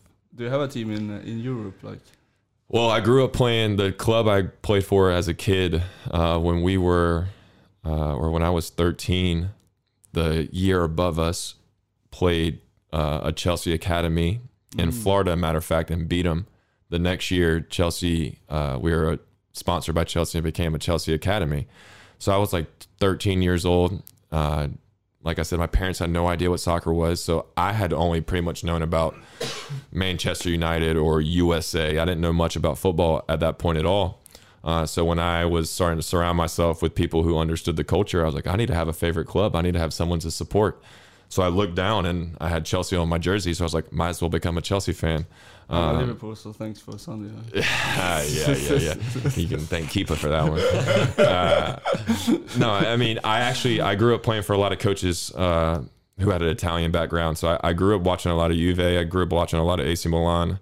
Um, and then as I you know fell in love with the game more and more, I started to learn who who I liked. Obviously, uh, kind of goes back to everything we're talking about too. The TV deals in America are crazy. There's so much money with uh, the TV rights and who gets the broadcasting rights. So uh, the Premier League is is the most popular league um, in America to watch. It's it's on you know basic cable almost at that point. So uh, I watched a lot of Premier League growing up. It was kind of harder to watch any other leagues, um, but once I once I knew that I was going to be a player. Uh, I just enjoyed watching the game. So Yeah. like I, st- no offense to Allsvenskan or Swedish football, No. but I was watching as much La Liga, much Serie A, Serie B. Uh, I was watching the Prem, the Championship, just as much as I could. Yeah. Uh, League MX, the Mexican League, because it was it was close and relevant. But uh, yeah, I'm a Chelsea fan still. Yeah. There, there's been a lot of questions about your name, of course. Forrest Lasso. It's not uh, the most common name No, in Sweden. I guess it's not the most common name in the States as well. So, and the TV show, I know you haven't seen it. I haven't seen it. Yeah, no, I no, it's my favorite TV show. And you don't say. I've talked about it uh, many times. And then you sign for the club. Now, we have an American coach. It all comes down to me like that's not a coincidence. Yeah, that's it's that's It's an funny. American coach in, in Sweden, in Europe, and then and then the lasso comes. Are you are you gonna be sponsored by Apple Apple TV now? I would love to be. Uh, yeah, I'll I'll accept that you and. Brian can come together or something. Or No, I mean, I would love to be. I, I we just spoke about it. I haven't seen the show. I still haven't. It's on my to do list. I know. I think you know better than I. Is it two seasons now? Uh, three, I think. Oh my goodness! See, no, I'm behind. No, two, two. Okay, two okay. seasons. I, I also want to say to you that what he says it, it, it doesn't fit with the series because the series is American football coach coming to Europe to Yes. to, to coach a soccer team. So this it has nothing. No, it it, it doesn't. But The name, but the name. it's it's the name and an American. That's I- all. That's all. I do have some aspirations to get into coaching when my playing career is done. So if I'm ever a coach or a manager in Europe, I'm gonna have to like cut my hair and have a mustache and wear the visor Yeah. and all that because then it would be fitting. But Yeah, of course. And then you obviously gonna coach Chelsea. So I mean, what he, he took, coaches the like the Spurs, right? He's like a Tottenham coach. Is that yeah, who he I is? think yeah, I mean, I think I- it's supposed to be Tottenham, but I play in the Crystal Palace kind of yours, Oh, it's so I don't think. how that's come to. Seems great. Yeah, it's it's a really good show. But but the other name is Forrest. That's obviously Forrest Gump or Ted Lasso. Which one are you? I mean, probably uh, neither. I don't know if there's a right answer there. Uh, I, I joke too because I still get people like will still give me copies of Forrest Gump on DVD. Like Yeah. I, I didn't know DVDs were still like circulated or around, but uh, yeah, the Forrest Gump has always been a thing. My mom got me. Uh, I said got me. She may have stolen it or had sticky fingers many many years ago, but a license plate that said "Run Forrest Run" or "Stop Forrest Stop," and I still have those to this day. I've held on to them. Uh, it's a great movie. Do you hear it a lot from supporters? All the time. Yeah. Yeah. all the time. A lot of opposing supporters like will say it and they think it's like like smack talk. I'm like I, I love the movie and like it's a unique chant and like I, yeah, I'm I'm all for it. Uh Do you have his stamina? I would like to, I hope so. I mean, this guy this You guy ran for hours. This guy Days, ran across nights. this guy ran across the America. Like I wish I could run like that. Yeah. One of my favorite movies. You um, Yeah. you talked about uh, DVDs and movies, and um, at one point we, uh, me and Matthias and a couple of friends and your girlfriend also, uh, we wa- was at a quiz and we uh, we wrote to you. Um, and, Oh, I, uh, uh, don't tell. We talked about this when I saw you too. Yes. Zorro. Yes, so exactly. we, we want to give you the, the Let's film. go. I mean, I, I I'm trying to think how you can watch these on like game consoles, right? Yeah, exactly. Yeah. Gotta have it. picture. Sorry. So we called we called our team, our pub quiz team, the Forest Lassos, because it was after you signed, but Okay. before you. Did you win that here. night? No, we finished third, I believe. I thought you were like a trivia champion. You had They- off they day. This was mute. No is, comment. he is. Yeah, everyone has off days. We Mm. had one on Sunday. But if you if you finish third, um, we will also be uh, yeah, pretty delighted. Yeah, It, I'm it- pretty it's okay. delighted. I could die that day. yeah. I say that would be. I'd, Yeah. I'd- can I sign somewhere right now for that? That sounds great. Still have eyes on first, but one day at a time. No, I actually watched this. I think we connected as well, Mateus. My dad was a huge Zorro fan growing up, so like we used to watch this on repeat. I mean, it would, if it was on TV, the channel was never changed. We would watch the movie till it was over. So when when you tagged me, I was cracking up. I was like, oh, that's a classic. Like, That's a perfect uh, Roma. Uh, AS Roma's um, coach before Jose Mourinho was Paulo Fonseca. When he coached, uh, I thought, I think it was Shakhtar Donetsk.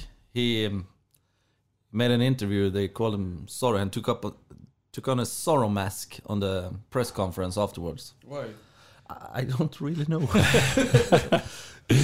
So, Extremely uh, cool. But a great story though. This is what this is what Thomas does. He talks about Ted Lasso and Roma. Oh, Yes, So- but And when that's when great. Johan it, it's two plus stories from Roma.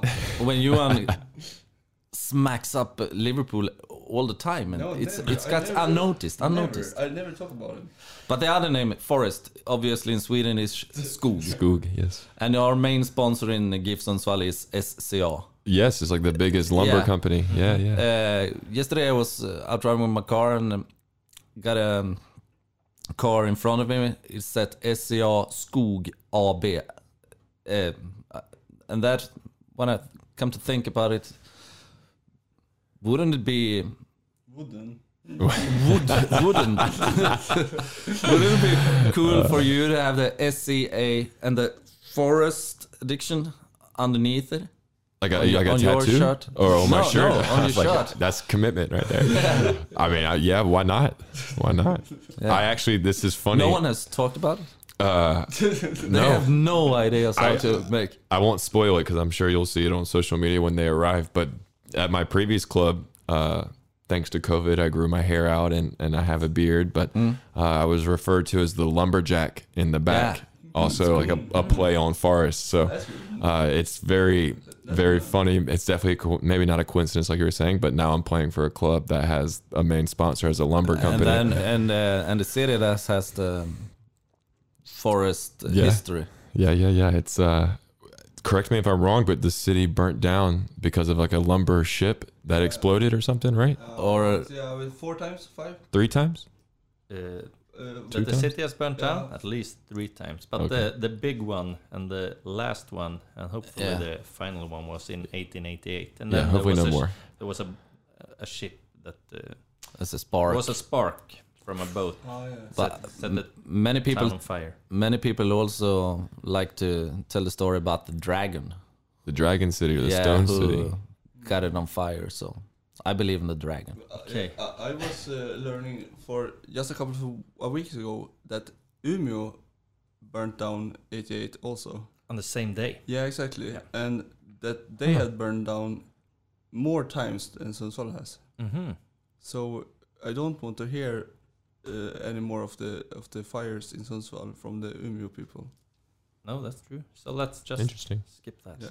uh, Interesting facts. I believe we. Sorry, got, got ran off on a tangent. I believe we we have spoken a lot about the U.S. and sports in the U.S. and uh, I think we need to go across the Atlantic now to Sweden, I like it. Sundsvall. so I'm curious now that you've been here for a few weeks, about a month. Mhm. What what are your thoughts about the team and your teammates?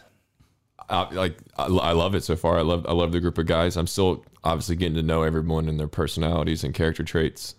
Um, that kind of stuff. The bonding happens organically. Obviously, uh, I, I'm one of two internationals on the squad. Saku being the other one, but you know Finland being your next door neighbor. I don't know if many people consider that like as far as America, obviously, but uh, the group of guys. I mean, a lot of returners from last year's squad. A lot of do you call it Sundsvallians, guys? People from Sundsvall. So uh, this squad has a lot of guys that have known each other for many, many years and played together. So to come in as as a, as an American, as a foreigner, as a new guy, uh, building those relationships and getting to know your teammates is is it takes a little bit of time. Um, football is, is wonderful in many ways where uh, you get to know each other very quickly. Obviously, we spend a lot of time together. Um, you know, every single day, a handful of hours a day. But uh, one of the special things in football is is the it's like a roller coaster. You go through highs, you go through lows. Uh, you know, we experienced a low over the weekend. Um, hopefully, we have a lot more highs coming up before league play. But uh, those type of experiences and those type of uh, challenges, I think it, it it illustrates your character. Um, I'm a loud personality. I think uh, some people may know that now. When we play, I'm very vocal. Uh, it comes with being a center back, but I heard that uh, against uh, Östersund.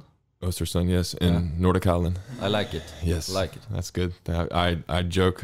Um, I'm serious about it, but I also joke with my teammates. I'm like, you're gonna absolutely hate my voice by the time the game's over. I hope you're annoyed with me. And, and for me, if, if you're like, I don't want to hear your voice for another day, that means I did my job. So, uh, no, but it's I, I like the group of guys a lot. Obviously, I think um, you can look on paper and know that we have a handful of young guys, but uh, one of the biggest cliches I think in this business is you talk about players with experience. You can't get experience without actually having experience.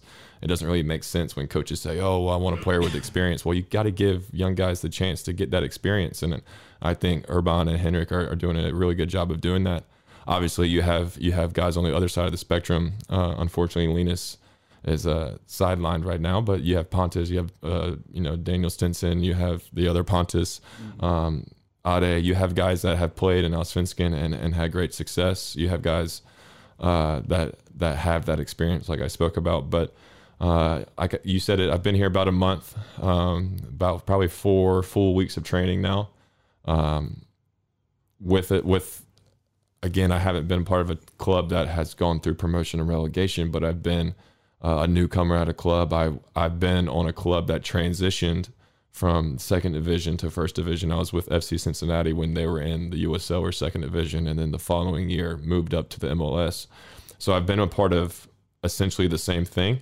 Uh, it there's a lot of uh, growing pains, if you will. Um, just for me personally, you know, learning the system, learning the style of play. Never played in Allsvenskan, so you know, trying to get my grip on that and understanding how the game works. Obviously, football is football everywhere you go, but there's a small small bits and pieces of it that take some adjustment. But uh, I grew up in a big family. I'm I'm a loud personality. I, I'm an extrovert, um, and I'm not afraid to like you know wear that proudly. But I think in the football uh, spirit, it comes with just a lot of repetition, just getting to know each other, going through going through the good moments together, going through the bad moments, joking in the dressing room, going to lunches, going to get fika, doing you know whatever it may be.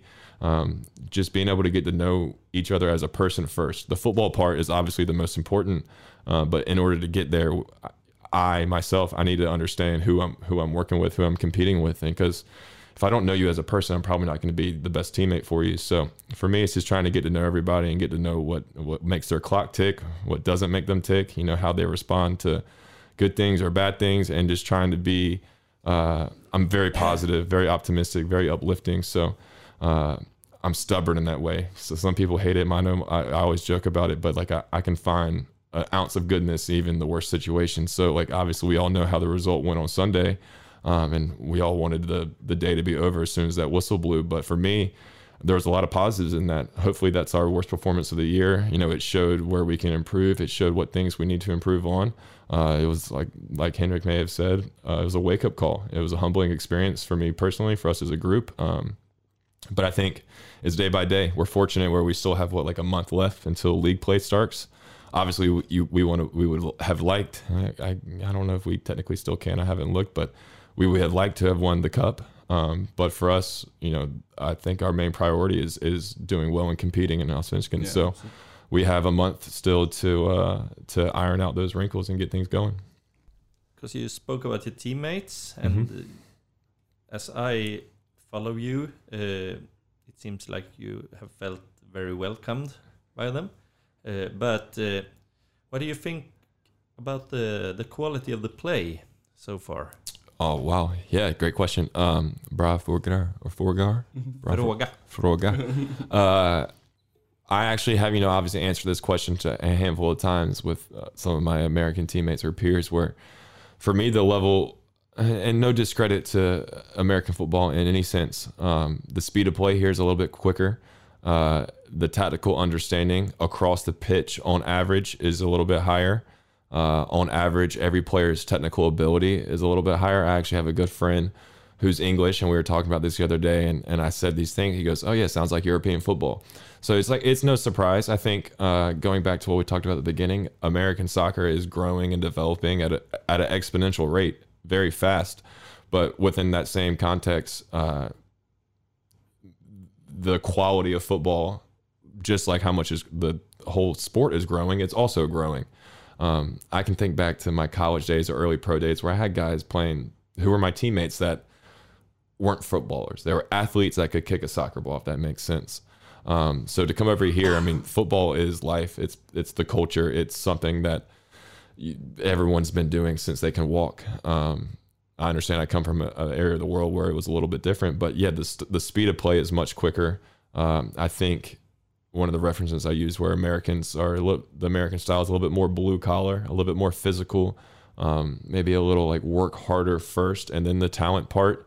Um, and that's no discredit to how the work ethic is here either by any means. Um, but uh, it's it's the same, same but different. You know, football is the same, but the the things that really stuck out for me right away uh, once I got here was, was the average technical ability, uh, the tactical understanding, and the speed of play. Mm, What do you think of your own start as a player? Uh, you, you want an honest answer? Because I'm extremely self-critical of myself. I, I think I can be better in every moment, every second. Um, thank goodness my wife loves me because I come home every day and I, and, I, and I have to like vent for a little while, and she's like, every, like you know, it's it's football all the time. She, thankfully, uh, she was actually born in Turkey, so her dad is a diehard uh, Fenerbahce fan. So she has been in the in the life her whole life. So she she thank uh, like I said, thank goodness she loves me. Otherwise, I don't know if we'd be together. But Then he knows uh, Kennet Andersson, Kneten. yeah, Definitely. Swedish dude. Y'all know better than I. He was uh, 94. 94. Okay, okay. Um, yeah, I I, I think I mean, like kind of like we talked about with the teammates and stuff. I think uh, I look in the mirror first a lot. Um, I, I think I can always be better. That's just kind of my mentality. Even when I have the greatest game of my life, I'm like, I did that wrong, or I had that touch that I could have cleaned up a little bit. So I always think there's room for improvement. Um, I don't think, and it goes maybe goes goes, goes coincides with my uh, perspective on life where like no one's ever perfect. No one can be perfect. I'm a Christian. Uh, so by that basis, there's only one person perfect on the planet, and that's Jesus. But we can all strive to be perfect. Um, so from a football perspective, I know that I'm never going to be the perfect player. I'm never going to have a 90 minute game where I'm I'm 10 out of 10, maybe 9.99, but I'm never going to be perfect because I can always do something better. So in the month that I've been here, uh, it, it's taken some adjustments, like the, the three points that I talked about, getting used to the systems, the speed of play, getting to know my teammates. Uh, I actually spoke with Henrik today. You know, one of the things that really frustrated me on Sunday was with my own play was I, I was calling the guys in front of me by the wrong name. I would switch switch uh, Novak and Marcus and say one or the other when I meant to say the other. So small little details about that obviously uh, have ripples that expand further. Um, you know, getting to know the relationships, whether Pontus is checking or he wants it behind and what the other striker may be doing, you know, knowing what pocket Eric or Saku is going to be in, knowing, you know, knowing, knowing my teammates and what their strengths versus their weaknesses. Um, that, and that takes organic, that just takes, excuse me, that takes time. It has to happen organically. And so for me, I've had a few mistakes. Obviously, you know, there was a, a handball, which in that first on Sunday, um, I take credit for the, the, third pin as well from the pass into the middle of the park. I mean, there's parts about my game that I, or my game since I've been here that I would love to redo or go again, but that's kind of the the blessing with football is we get another chance to correct it. Um, it's just it's a work in progress, one day at a time. Like we said, we still have a month, so I'm um, just trying to get to you know f- find my role in the team and, and find how I can be the best player and, and help our help us succeed.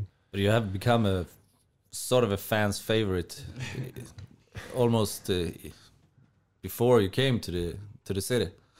So I think that's something obviously your name, but then the then the aspect of that you are you're tall, you're fearless, you're big. Mm -hmm. You're like a big, strong giffare. Like we we're gonna call it out. Stor, stark giffare. Um, that's your sort of play.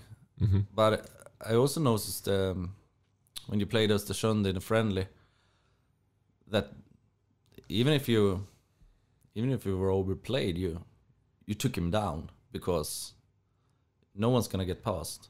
Yeah. So how, how many red, how many yellows you're gonna get? Oh, I, I would say I would I want to say zero and zero. Um, do you, do you in in the history did you get a lot of? I've gotten two reds uh, in my career. Um, Nothing is Schranko. yeah, I mean the, uh, the, the, one of the reds was a double yellow. I I, I don't get reds yeah. for talking or any of that like cheap stuff. All my all my cards in my career have been just from hard tackles because that's just kind of how I play. I'm old, I'm old school about that. Here in Sundsvall, we love it. I'm the opposite. Yeah, see, I don't talk to refs. I, I I actually don't even like talk talk smack or, or whatever you want to call it. I I I let my actions speak for me. I don't I don't I think it's like when people talk to me, I just start laughing. I'm like that's yeah, we're just childish think, in a way. Like, but I think that's one of the reasons you you have become a fan's favorite just because you're hard and tough and that sort of play. Mm-hmm. Something we I think we love here. I think it, I think it builds a it builds a foundation or gives a sense of stability to the guys in front of you. I think uh, being a center back, especially you know if they can see even like when things aren't going well, if they can see you're persistent and keep getting stuck in on duels and keep getting going in on challenges, and you know I hopefully doesn't happen. But I I have played through some crazy not injuries, but you know blood, cuts, scrapes, whatever. And if it's not if it's not going to make me weaker or keep me off the field, like I'm going to keep going. You know I got a job to do, and I think that gives a message to the guys in front of you. Like if this man's willing to do this, like we got to go do our job. So I mean, I some some kind of comfort for him as well. Yeah, yeah, yeah, definitely. I, I, one of the first coaches uh, was a Canadian international, and to your point, he always said, you know, the best defender, the ball can get by you, mm. or the man, but never both. Um, so uh, something I try to think about as a defender is like my job is to keep the ball out of the net and keep guys from getting past me. Obviously, you got to do it cleanly. You can't be cheap about it. But uh, how many yellow cards do I want to get? Hopefully none. The past two years, I haven't been suspended. Uh, when I was younger, I was suspended for yellow card accumulation, but it was like six yellow cards in 34 games. So uh, as a hard playing, hard tackling center back, that's kind of an obvious. You're unfortunately going to have a handful of those. I learned today that Allsvenskan, I think, is uh, three yellow yeah, cards. So yeah. I, I would like to say I've, I've developed and matured a lot um, a, a little bit more conscious with my decision making in terms of which tackles uh, I can win. I, I I would like to think I don't go and go into tackles unless I know I can win it. Um, if it's 50-50, obviously I have a chance of winning it. But if I, you know, instead of going in late, uh, that's poor defending. If you're going for a tackle that you're late to, you're, that, that's not defending at all. You're going to get a yellow, and that's probably going to be a foul. So um, hopefully none. Sorry Mattias. Mm. No, so now, when we're as, as long as we're speaking about you as a player, Mhm. when we have new players there, we last year at this podcast we asked some fans of the previous teams to describe them as Okay. players, Oh. and we actually we asked one of your supporters as well Oh wow. describe you as a player. So I thought I'll just quote this and see if you agree Okay. on the description. So it says here, um, he is an absolute dominate force to be reckoned with. He's a vocal leader and puts his whole self into achieving the goal, clean sheets and winning. He leads by example and vocally uplifts himself and everyone else in the field. Also, his aerial is unmatched. It's insane. Oh wow, that's humbling. I'm honored. I don't. I mean, those are incredible words. Super positives. I mean, that makes me sound. Uh, yeah, I love it. Thank you. Um, yeah, yeah, yeah. You're spot on. I, I. It's a team sport. I grew up in a big family. Um, I, I can't go win a game by myself. Definitely not as a center back, but I can contribute to a result. Uh, I, yeah, I like to. I like to. How do you say it? Uh, hype people up in front of me. I, I, whether it's, I, mean, I literally celebrate good tackles or give high fives when another defender does something good. I'm yelling, you know, positive affirmations all the time. I think I've I've put a lot of focus and studying into like human nature, and and I studied this a little bit in school. But I mean, the human mind is is wonderful by itself. So as a footballer, we are all self critical. We all you know get down when we don't do things right, and you know I think as a as a leader or an older guy or center back, whatever it may be, you know, it's part of my job to like he said uplift the people in front of me and, and demand or get the most out of them. So. Um, being my size and having the physical attributes I knew or I do, I know that I need to have those in the game and impose myself that way. But I think uh, mentality, communication, uh, positivity, affirmations, it, it can it can take a B minus player and turn him into an A plus. You know, you could have a striker like we were talking about earlier who's having a rough game for 70 minutes. But if he hears the 10 guys behind him constantly supporting him and giving him that encouragement, he's going to keep going and keep trying.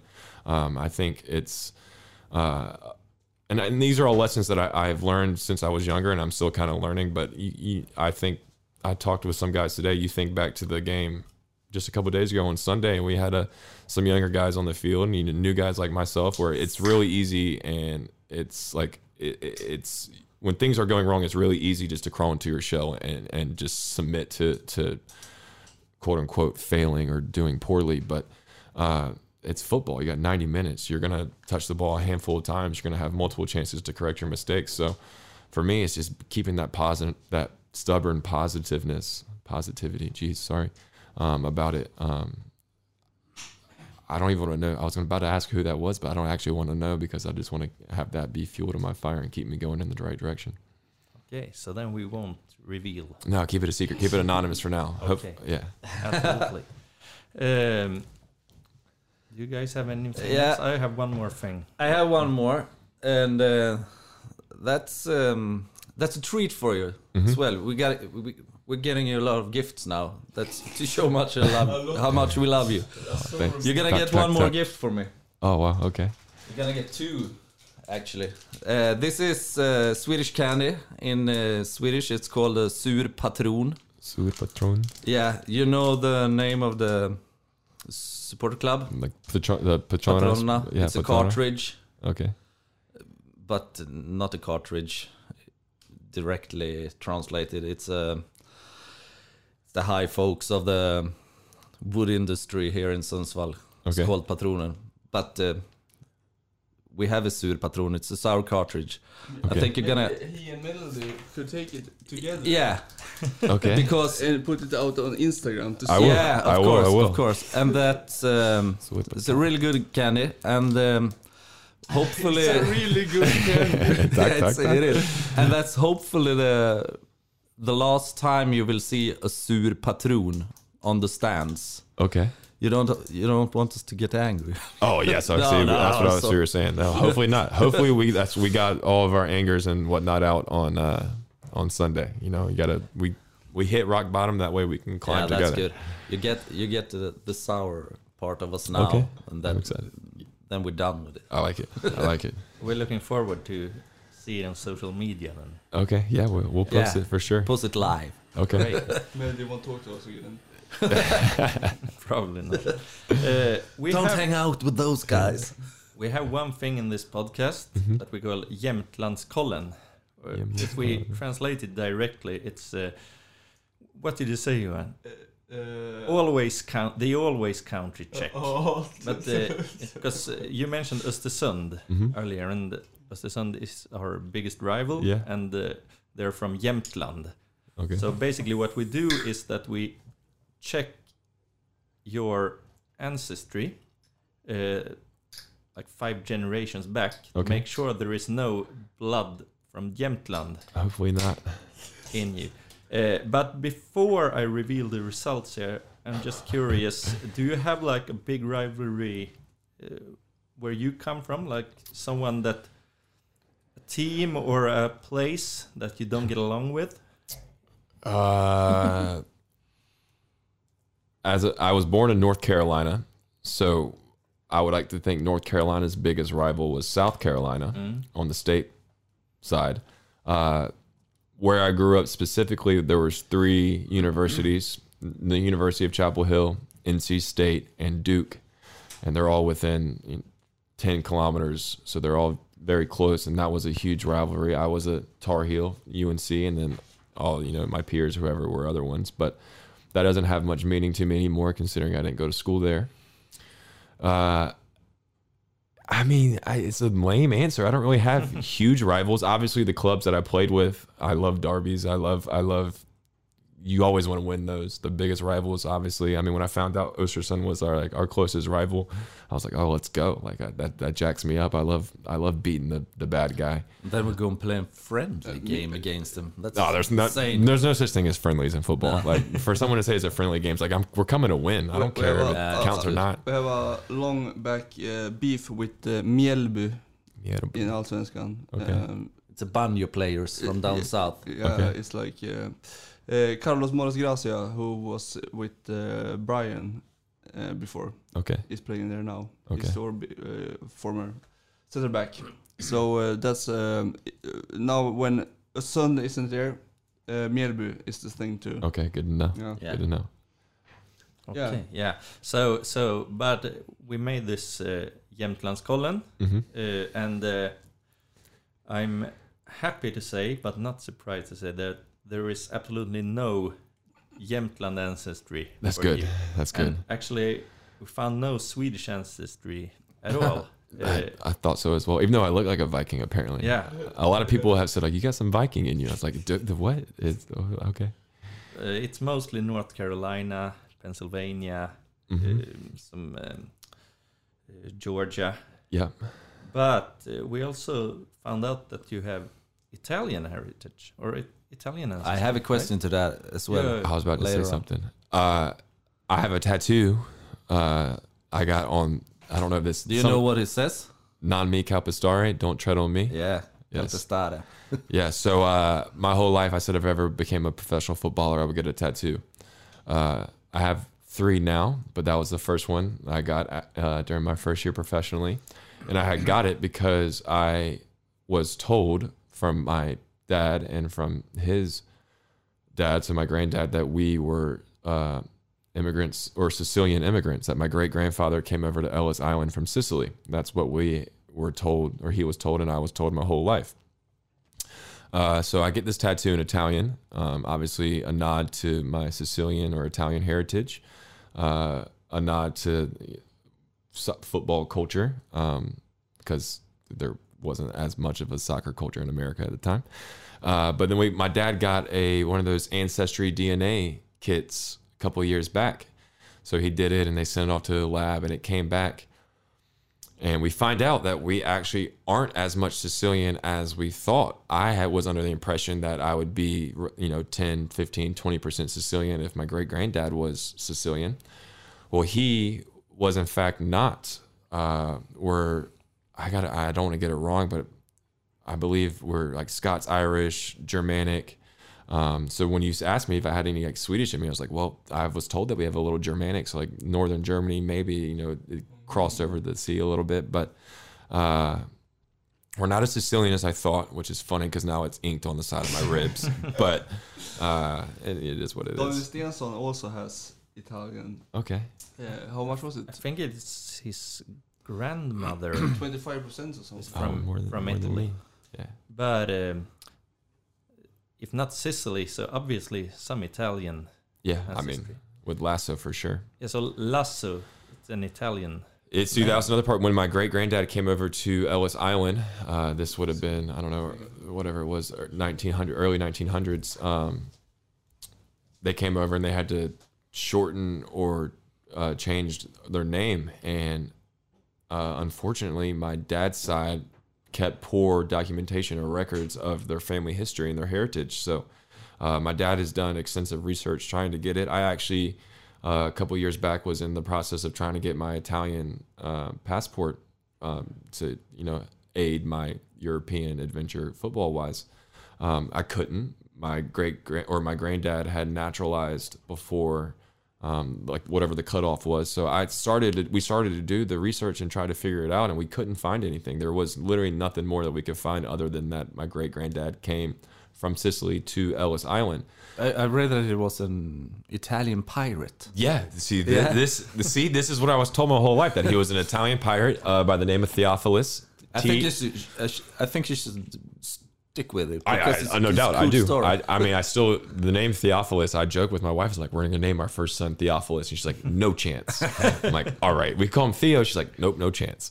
Uh, but I still, I mean, there's maybe there's bits bits and pieces to it that are true. I mean, he came from Sicily. The term pirate. I think is used loosely for us. We think of like Pirates of the Caribbean and like It's I'm gonna steal your fisherman. yeah, I'm gonna, yeah, exactly. We're gonna steal your gold treasure. But a pirate back then was someone, I guess, who just was on a boat or ship for a living. So, Yeah. uh, no, I, this the what the, all those sayings are like when you tell a story over the years, how it gets exaggerated and changed a little bit. Like, you know, when you're a granddad and you're telling your grandkids children or stories of yourself, like you always you, you got to heighten it and make it a little bit more spicy. So, yeah, I, I'm still sticking with that. My ancestors are Sicilian pirates who were like you know scavenging villages and all that stuff. So it makes me seem more like a badass. I think. Is that a is that a goal for you to um, continue the? I'm not gonna say soccer now, so I'll say football journey down to Italian and wrap it up. Play for a Sicilian club like I mean- Palermo or something. Yeah, I mean, why not? I would love to play all over the world. Um, I'm one of the things. I mean, I have uh, tons of dreams about the football world. Uh, but for me, one of the things I've learned in over my years doing it is the best way for me to be successful in what I'm doing presently is just kind of focus on that. Yeah. Um, so like like I said, you know, since 2018, I wanted to come to Europe and play and play soccer, play football, but it's not something I thought about every day. I knew that if I wanted to make that happen, I needed to do the job that I had at hand to the best of my ability. So for me right now, I mean, who knows? I could be in Sundsvall for the next 10 years. I could be You can play in Italy with Sundsvall as well. there you go. Yeah, Yeah. yeah, yeah. Champions Champions, League League, Europa still there. League, whatever. So I mean, yeah, who knows where the future is going to take me? I think uh, I just try to take it day by day. If I get too far ahead of myself, then I'm not going to be able to do what I need to do right now. Good luck with the season and thank you Forrest. Tack så mycket. Tack Thank så you. mycket. Thank you for having me. Då säger vi välkommen nu till Pelle Tamlet, chefredaktör på Nöjesguiden och bördig från Sundsvall. Borde vara Sundsvalls profil. Ja, exakt. Tack så mycket. Det är en ära. Det är verkligen en ära. Kul att få bli uppmärksammad i fotbollssammanhang. Verkligen. Kul att du vill vara med. Och eh, det här Ja. är lite av Johans idé det här projektet. Så att jag tänker att du Johan kan väl förklara lite varför vi har Pelle med oss här i podden. Ja, men jag har en liten, eh, eller jag har eh, uppmärksammat såklart, jag känner Pelle via mina föräldrar kan man väl säga. Det är väl därför jag vet vem du är så att säga från början. Exakt. Men sen så följer jag det på Twitter och sådär och jag tycker att eh, vi kanske i Sundsvall är lite dåliga på att, eh, att uppmärksamma våra eh, utflyttade som ändå har ett intresse för fotboll. Eh, och även om du inte följer Giffarna slaviskt eh, kanske så är du ju ändå ja, en, både fotbollssupporter och en GIF-supporter som jag förstår det. Det är helt korrekt uppfattat. Så här, även om jag kanske inte följer slaviskt, det är absolut det lag jag följer mest eh, utan, utan större konkurrens, eller utan konkurrens överhuvudtaget. Det är Eh, väldigt bra. Och det tycker jag att vi borde bli bättre på att, att lyfta fram, för jag tror att det kan få ringa på vattnet också. Att eh, sprida det till sina eh, efterföljande kids om man får sådana, eller liksom eh, prata Sundsvall överlag. Eh, jag, jag håller helt med. Och det som, det som talar till din fördel där, det är ju att är det, kommer man in i ett sammanhang med andra supportrar och så berättar man vad man hejar på, mm. då möts man aldrig liksom av någon slags aggressivitet eller rivalitet, utan folk tittar liksom, inte medlidande, men de tycker att man är lite gullig. Liksom. Ja, jag vet. De vet hur vi har haft det. Vi är små Man, är, man, är, man, är väl, man är väldigt ofarlig. ja det är ingen, de, eh, precis. Det, vem var det som sa det? Att, att följa GIF Sundsvall är- är kärlek genom lidande. Ja, Ehm, exakt precis så. Exakt så. så så. att man, är- ja, man, är, man är aldrig farlig. Och det, så det borde inte vara svårt för folk att komma ut så att säga, med, sin, Nej, med att man är supporter överhuvudtaget. Det är, ganska- det är, jag upplever i alla fall det att det är någon typ av renässans bland mina kompisar som höll på Djurgården och Hammarby och sånt när jag var eh, liten och fick stå upp för mitt Sundsvallsgillande som inte var liksom, det var inte så kreddigt då. Eh, Nej. De eh, som bor kvar nu och åkte på, till och med på Djurgården och sånt där, de eh, är såhär, ah, alltså jag, jag hoppas ju att det går bäst för Sundsvall egentligen nu och det är lite så här Men supporter locals. alltså, det, det, det där är ju en mognadsfråga också. Jag kan, jag kan inte mer hålla med dig. När jag, jag flyttade till Stockholm 2000 mm. och bodde i Solna, eh, du kan ju tänka dig själv. Ja. Eh, Så då, med en tjej som, som höll på AIK. Mhm. Första, första GIF-matchen jag såg efter att jag hade flyttat från Sundsvall var att jag åkte med klacken från, alltså med Gnaget, Aha, shit. från Råsunda med bussen och kollade på Sundsvall. Fick stå liksom i den här lilla buren med, med Mm. man, man, tro, man trodde att Black Army skulle komma så var det liksom 50 pers från Solna som, fan. som, stod där. Eh, och det, där och då kände jag mig rätt dum. Liksom. Vi hade faktiskt ett inslag i förra avsnittet, eh, eh, ett historiskt inslag med en incident på Västhagen när jag tror att IP reparerades. Eh, Ja. 91. När eh, en kille som kallas för Macke Kvarting eh, äggade Black Army på Västhagen. Eh, med eh, en reporter från eh, SR som stod mitt i klacken i Black Army med efterföljande okvädinsord som inte ska nämnas i, i, i dessa tider. Ja, det, här låter helt, fant- det här låter helt fantastiskt. Ja, det, Eh, jag ska skicka det avsnittet till dig så ska du få... Macke Kvarting, är ett otroligt namn. Det är ett helt otroligt namn. Nästan lika bra som, eh, som amerikanen. Ja, Eh, verkligen. Inte riktigt. Men eh, Pelle, du kanske ska få berätta för, för de lyssnare som inte vet vem du är, vilket alla naturligtvis borde göra och borde skämmas för om de inte gör. Och vad du gör och vad, varför du borde vara en Sundsvallsprofil. Ja, nej men det är korrekt. De senaste åtta, nio åren så har jag jobbat för Nöjesguiden, då, en tidning med, med huvudkontoret i Stockholm. Och jag sitter som chefredaktör och vi skriver alltså om allt som har med nöje att göra, eh, framförallt i storstad då.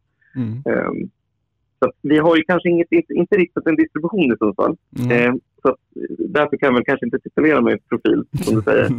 Eh, däremot så finns det en kul anekdot om det också. Det, är att det var en gratistidning för många år sedan som startade upp Nöjesguiden i Sundsvall. Mhm. Och, eh, vilket de såklart inte fick. Utan vi hörde av oss och ifrågasatte hur de kunde kalla det för Nöjesguiden. Och den personen jag pratade med då, jag ska inte nämna någon namn, han tyckte inte att det var så farligt. Att, för vi fanns ju inte i Sundsvall. Eh, han, tyckte, inte- han tyckte det var fullkomligt naturligt att han kunde starta Nöjesguiden där. Och då frågade jag om han även kunde, hade liksom planer på att starta Aftonbladet Sundsvall. Eller McDonalds. Men, eh, ja, precis. McDonalds. Men, eh, nej, men det hade han inte. Så eh, det blev bara ett nummer av den. Men jag har kvar det numret. Otroligt. Ja, det Eh, var min mamma som som skickade en bild på det och skrev vad kul. Hon trodde att det var vi. det finns inte. Jag älskar den, eh, den taken att man får, eh, det som inte finns, det, det är bara att Så köra. länge det inte finns, så är det bara att på. Apple Matfors. Exakt. Eh, men, eh, men med det sagt, till vardags så jobbar jag mycket med att skriva om och recensera krogar. Samtidigt som vi skriver om allt ifrån musik och, och film och tv. Eh, jag har ju bett dig att eh, utifrån dina expertområden eh, ja, men lista band och restaurang för olika bortamatcher. Det, uppdraget var att jag skulle lista vilket band man skulle peppa med och Mm, vilken restaurang man exakt, skulle exakt. käka på, eller hur? Precis, exakt så. Exakt så. Ja, men då, då har jag gjort det. Eh, jag, har utgått från, jag har utgått från liksom vilka supportrar som jag känner till av de här lagen. Mm. Eh, för man känner ju inte till jättemycket annat om Degerfors, Nej, tänker jag. som jag är glad för. Men, och det är väl bara Johannes Klenell som håller på Degerfors. Han är väl, det är väl han. Ja, det ska vara det tror jag. och eh, ja, alltså kulturjournalisten då, Johannes Klenell. Och så tänkte jag på att han, han gjorde ju den här Lundellbunken. Så först tänkte jag att det, kanske ska vara Lundell man lyssnar på. Eh, precis när jag skrev så kände jag, ska vi verkligen ge Degerfors Lundell? Ja, Det är ju det är väldigt givmilt. Jag bytte till, de har en egen Lundell i, eh, det- som är från Degerfors i form av Hasse Kvinna Buske Andersson. Det. Eh, han, är, han är ju Degerfors Ulf Lundell. Ja, vi kör. verkligen. Så vi kör. Det är som om man har beställt Ulf Lundell på Wish. Så får man Hasse Kvinna Buske Andersson. Och en vargtröja på köpet. Exakt. Bo, borde vara tvärtom. Ja. Så, så, så ser inte en varg, det är en räv på tröjan på den. Ja, men så det Otroligt. peppar vi med. Och sen så tänkte sen gick jag faktiskt in på Johannes Klenells Instagram och kollade vart han senast hade ätit. Mm. Och det var, det var så otroligt spot on Degerfors att han satt åt i, i Söderhallarna. Som är liksom Stockholms gallerian som överlevde allt som står på Medborgarplatsen. Och eh, det ser ut som en galleria från småstad 80-tal. Ja. Och det känns ju klockrent. Vad, det finns mycket att välja på. Så det är perfekt. I Eh, Söderhallarna med Hasse nöjd. Kvinna och Andersson i lurarna. Är du det? Ja, jag är väldigt, väldigt nöjd. Jag, har, jag tror jag är en av de enda i Sverige som har eh, någon aversion mot det här puttinuttandet med Degerfors som pågår. SVT har ju bland annat startat en serie nu där man ska tycka lite synd om att eh, när de gick upp till Allsvenskan så var de tvungna att infria de eh, liksom, eh, krav som finns från förbundet på, på arenan och sånt. Det var så mycket att göra. Och jag säger, ja men ska ni spela Allsvenskan så får ni väl, vi har väl också fått gjort det liksom. Ehm, Men, men alltså, jag, ja, jag håller med. så att, Eh. ja, det här var perfekt. Mycket bra Man start. kan, inte spela, man kan inte spela så mycket så länge på det här underdog-kortet. Nej, Någon, någon måste få det vara. verkligen. Sen har vi, eh, ja Sirius nämnde jag också, fr- från Uppsala. Mm. Det här får du mycket kortare. Men eh, det var ju kul för att det är, det är första matchen va? Ja, Eh, precis, exakt. Det blir prem, prem, premiärmatchen. Stämmer. Och upp, upp, eh, band var ju väldigt enkelt. Så det finns ju en, här är ju lite kreddigare band. Det finns inte för att. Nej, jag tänker ju på Sirismo. Ah. Den ber- berlinska DJen som, som har varit het de senaste fem åren. Så den var ganska enkel tycker jag. Ja, också kul att peppa med lite fart inför premiärmatchen. det är sant i och för sig. Sen en given, en given restaurang inom citationstecken är ju matlåda. Eh, så vi, vi, vi pratar ju om studenter här. det är ju ganska självklart att Ja, Eller något nudelhak. Ja, precis. Jag var också lite inne på det. Men nudelhak i Stockholm är ju är sanslöst dyrt. ja, Ja. Nu, det finns inga som tar sina nudlar på så stort allvar som stockholmarna. nej. Så Och att- inga som tar sina priser på så stort allvar förutom indierna. Helt, helt korrekt. Jag, håller, jag, var med, jag var nämligen med i den här ramen-gruppen ett tag. Men eh, eh, ja, det är ett under att inte du bannade den. Men eh, ja, det Nej, var så mycket bråk där. var det vad inträdesavgift? Nej, men nästan. Det var ett inträdesprov i alla fall. Mm, ja, Och, eh, naturligtvis. eh, den här gamla Säterfilmsprofilen Orvar Sädström lämnade gruppen i, eh, i, i ren ilska, i ren aversion. Hans namn har man inte hört på länge nu. Nej, inte förrän han lämnade gruppen. Piggade upp. Va, va, jag, jag blir nyfiken. Vet du varför han lämnade? I ilska säger du, men vad var den utlösande faktorn?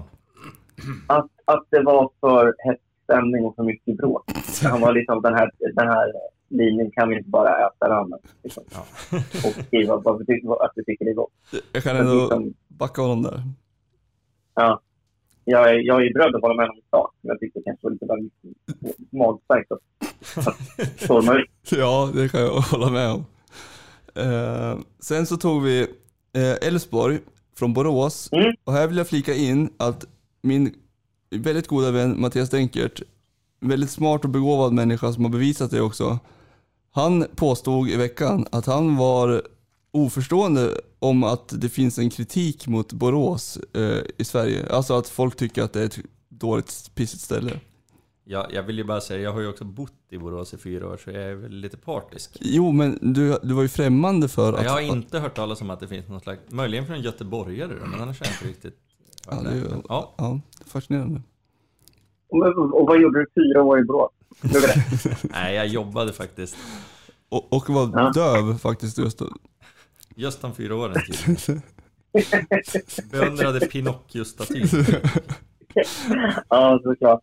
Uh, nej, men och då kan vi tänka lite grann som att uh, Degerfors fick sin Ulf Lundell, så kan väl Elfsborg få sin Dolly Parton då i... Det enda, artisten, faktiskt den enda artisten som kommer från Borås är Shirley Clamp.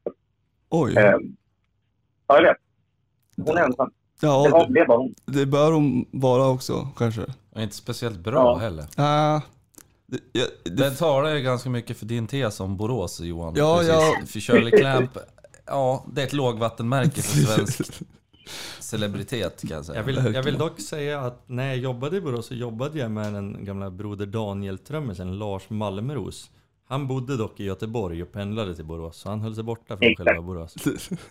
Ja, så han räknas ju inte, tycker jag. nej, tycker inte jag heller. Men Eh, eh, den, den absolut längsta period jag spenderat i Borås var för två år sedan. när Jag skulle köra från Göteborg och hade glömt ladda min elbil.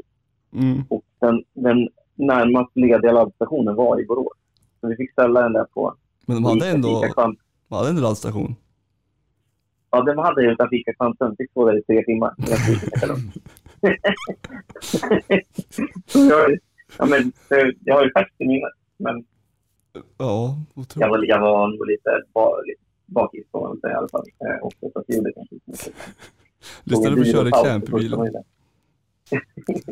Nej, det gjorde vi faktiskt inte. Tyvärr. Eh, Jag brukar faktiskt inte lyssna på Clamp och jag brukar inte heller vara i Borås. Så det blir en röd tråd. Ja, verkligen. Eh. Som, som restaurang i alla fall ganska väntat då tänkt på tacospåret och kört eh, Laneta. Mm. Ändå lite uppgraderade tacos så att det inte blir Ja, just det. för eh, det en upphottad eh, taco, ja. Mm. Då, um, då kommer vi till det göttigaste. Det här är lite intressant eh, för, eh, ja, förutom en ganska liten skara människor som vet om att vi har en långt gången beef med Mjällby eh, sedan många år tillbaka. Eh, Det var ju tur. Det var ju jävligt bra att höra. För att, ja, det är inte snällt det här. det var bra, Det som kör! kommer att komma. Det är bra. Kommer det komma den? Ja, om det är den, då blir man Ja. glad. Vi hade bland annat en tvåpinsflagga där det stod Oh my god, we got a banjo som var riktad mot Mjällby.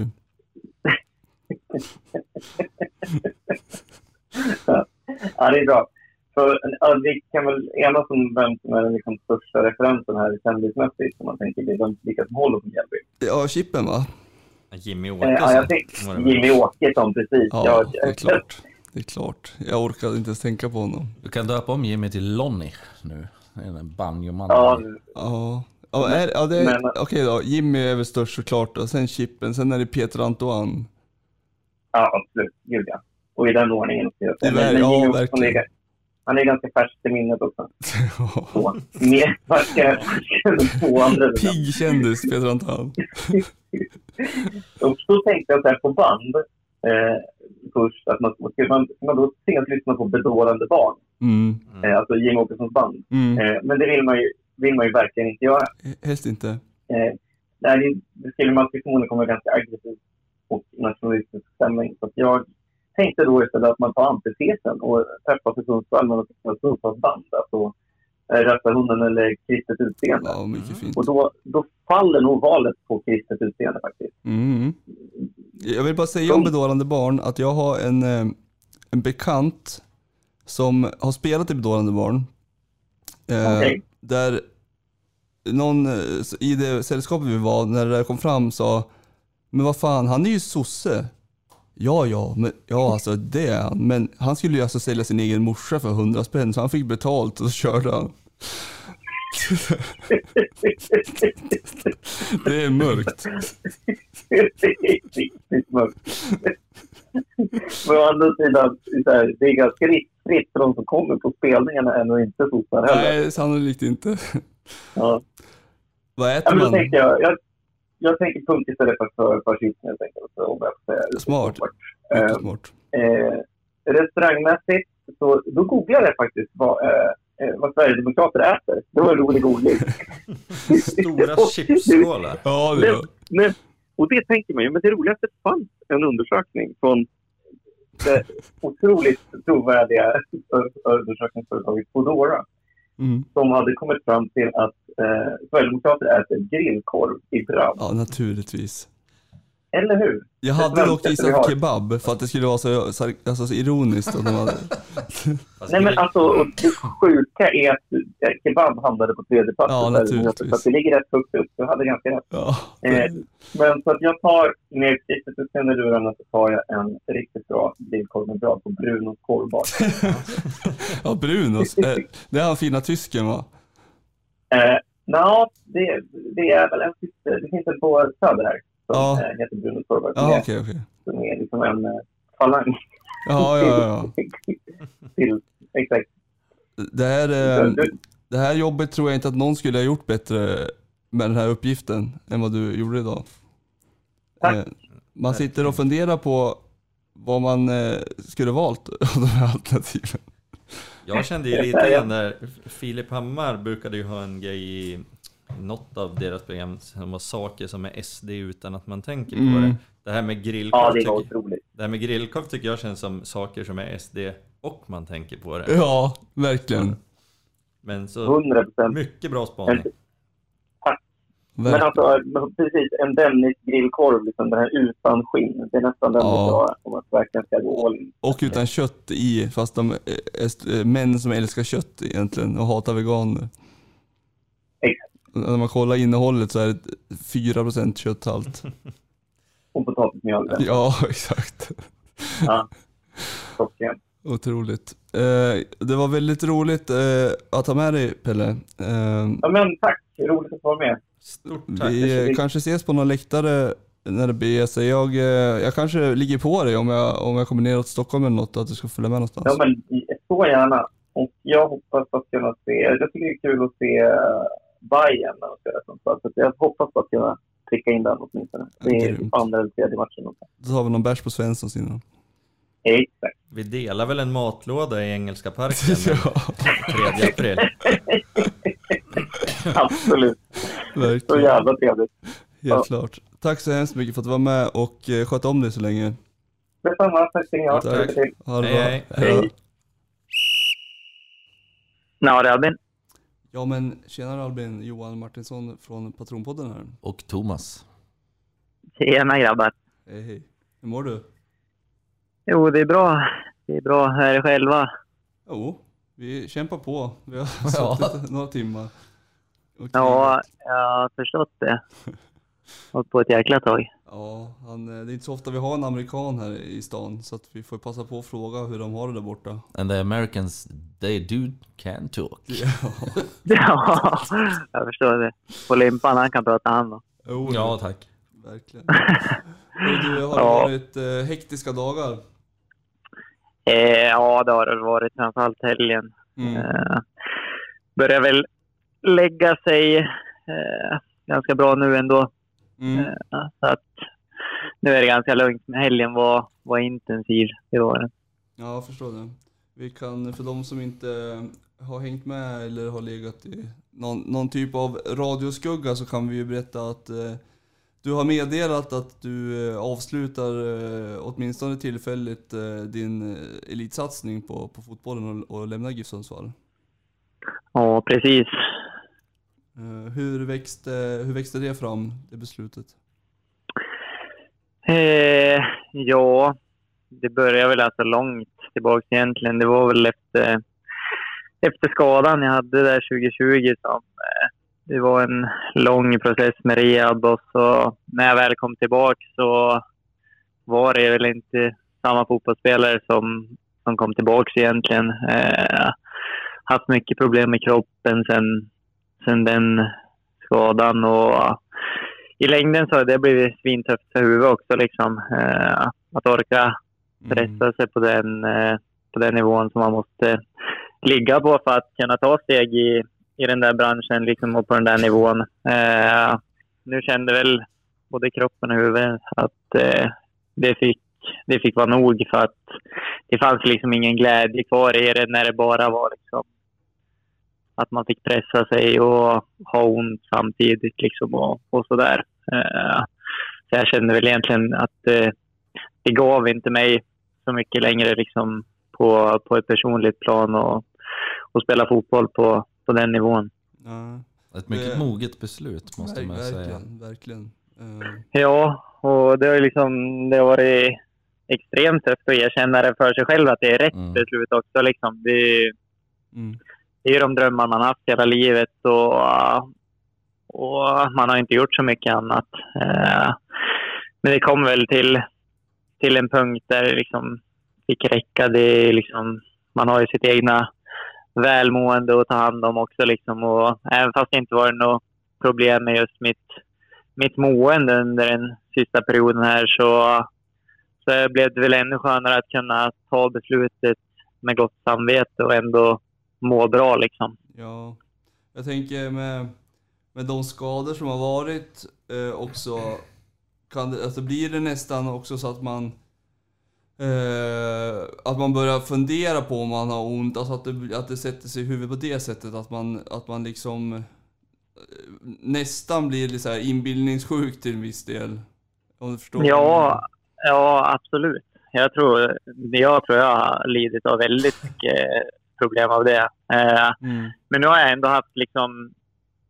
Kroppen har ju ändå varit bra liksom under hösten och nu på, på försäsongen. Men det är liksom... Jag vet inte, det är någon känsla och, och sådär som sitter i bakhuvudet. Och det är väl... Då är vi väl inne på det du, du nämner där. Ja, Eh, som gör liksom att det, det blir inte samma sak liksom och det blir ett annat fokus liksom än själva fotbollsspelandet. Verkligen. Alltså dels det och sen får man ju komma ihåg då också att i och med den skada som, som uppkom då eh, så plötsligt så ska du eh, konkurrera dig tillbaka fast på en allsvensk nivå som är ytterligare ett steg. Det blir liksom en, kanske en barriär ytterligare på något sätt. Ja, och jag fick väl ändå liksom gå in i mig själv och tänka liksom vem jag spelar fotboll för egentligen. Liksom. Eh, och då kom jag väl fram till liksom att ja, men på den där nivån så känns det liksom inte som jag spelar för, för mig själv längre. Och man måste väl ändå ha det som, som grund för att Mm. kunna ta steg. Liksom. Sen såklart så spelar man ju sitt för laget, liksom, men någonstans så är det ju egot som måste Ja, gå verkligen. först för att man ska kunna bli bättre och kunna bidra. Ja, Eh, och det var väl samma där också att jag, jag kände att det blir liksom det blir fel både mot mig själv och mot andra att göra det.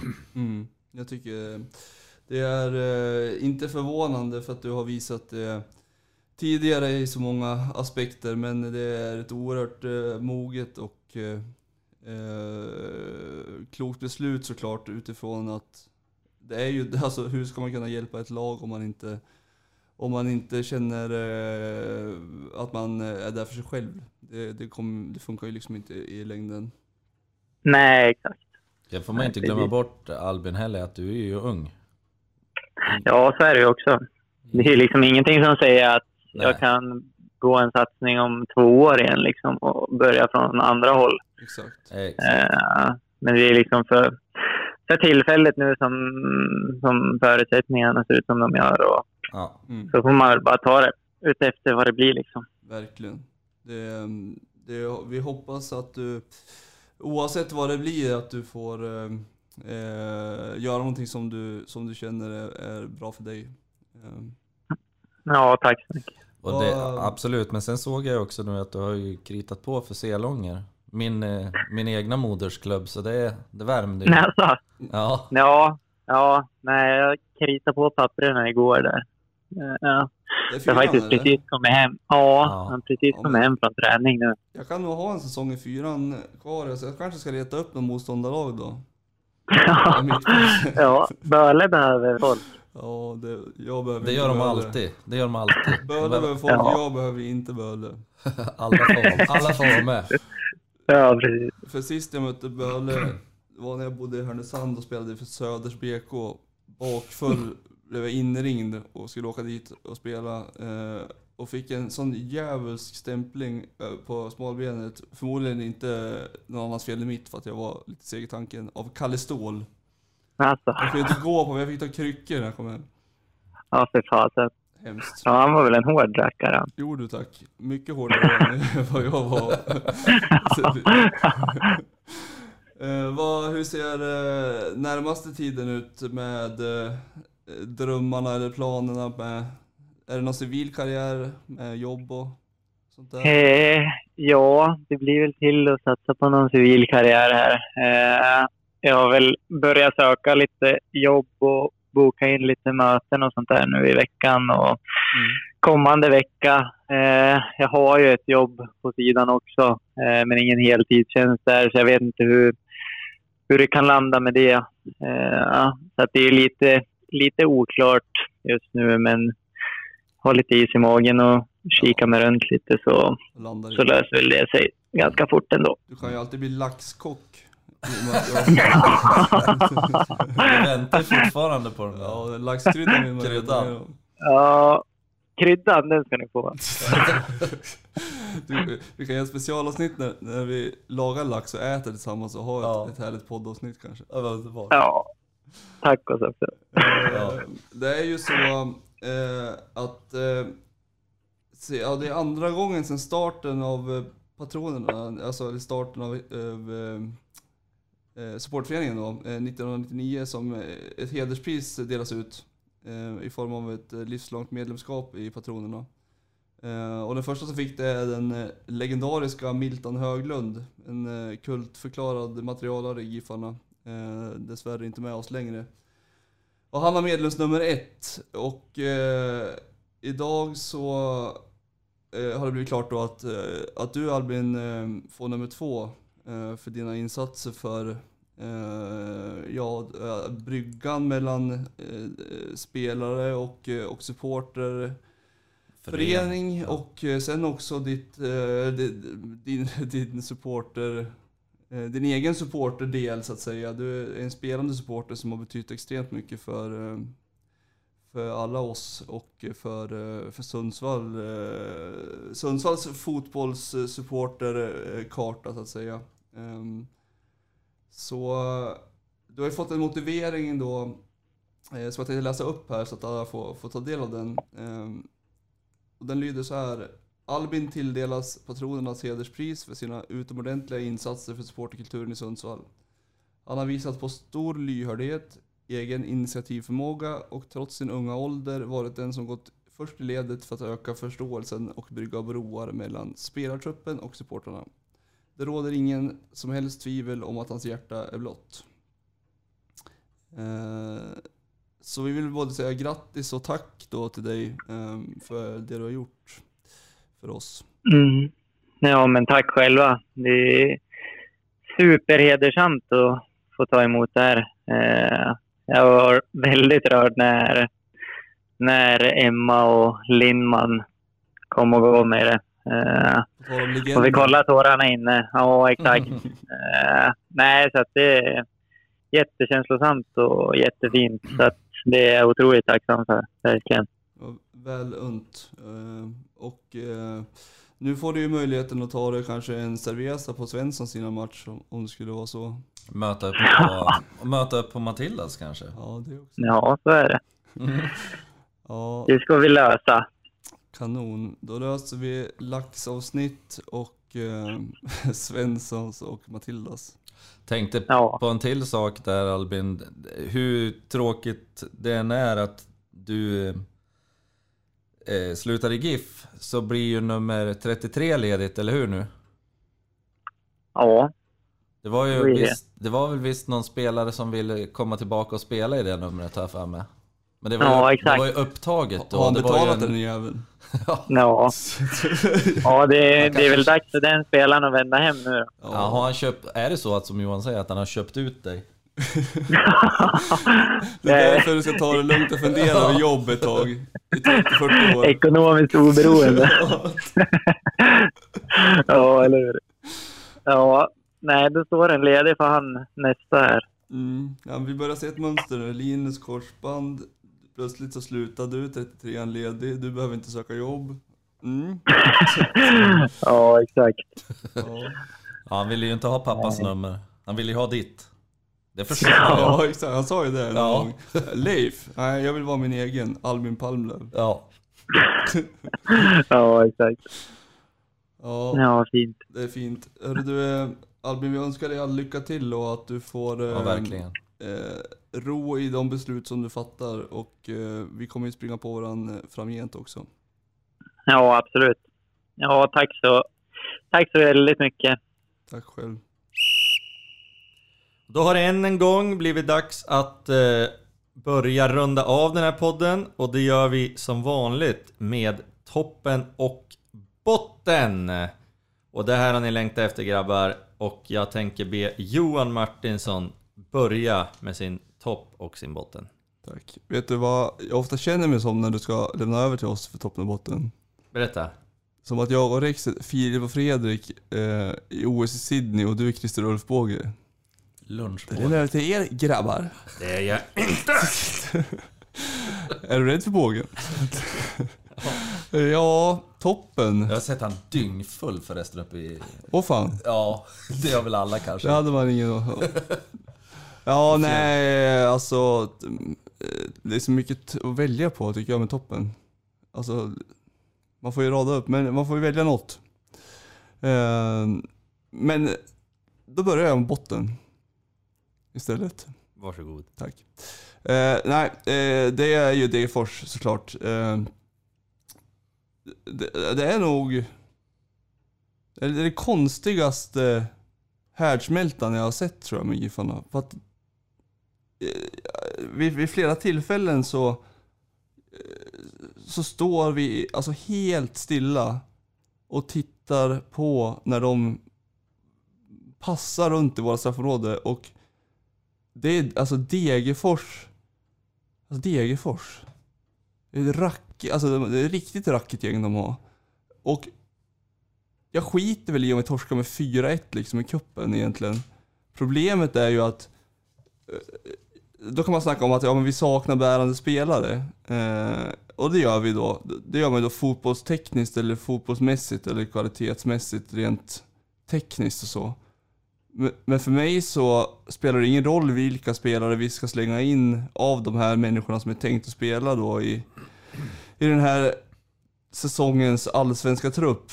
Så ska vi ändå smälla på eller åtminstone liksom försöka kasta oss med torson och täcka bort en boll. Eh, och det är det jag har så svårt att, att, att liksom... Eh, det är det jag vill ha svar på varför inte, varför inte det görs. Eh, teorin är väl att det saknas bärande spelare även rent ledarskapsmässigt. Men det kan ju inte vara så att om de spelarna som nu är bärande ledarskapsmässigt eh, är borta, att eh, övriga blir som en tamagotchi som har lämnats på planen och, och ägaren har åkt hem. För då, då behöver vi inte spela i år, kan jag känna. Um, och med de domedagsprofetiorna så vill jag ju ändå då gå tillbaka en vecka innan det eh, till Elfsborg. Där jag måste säga att jag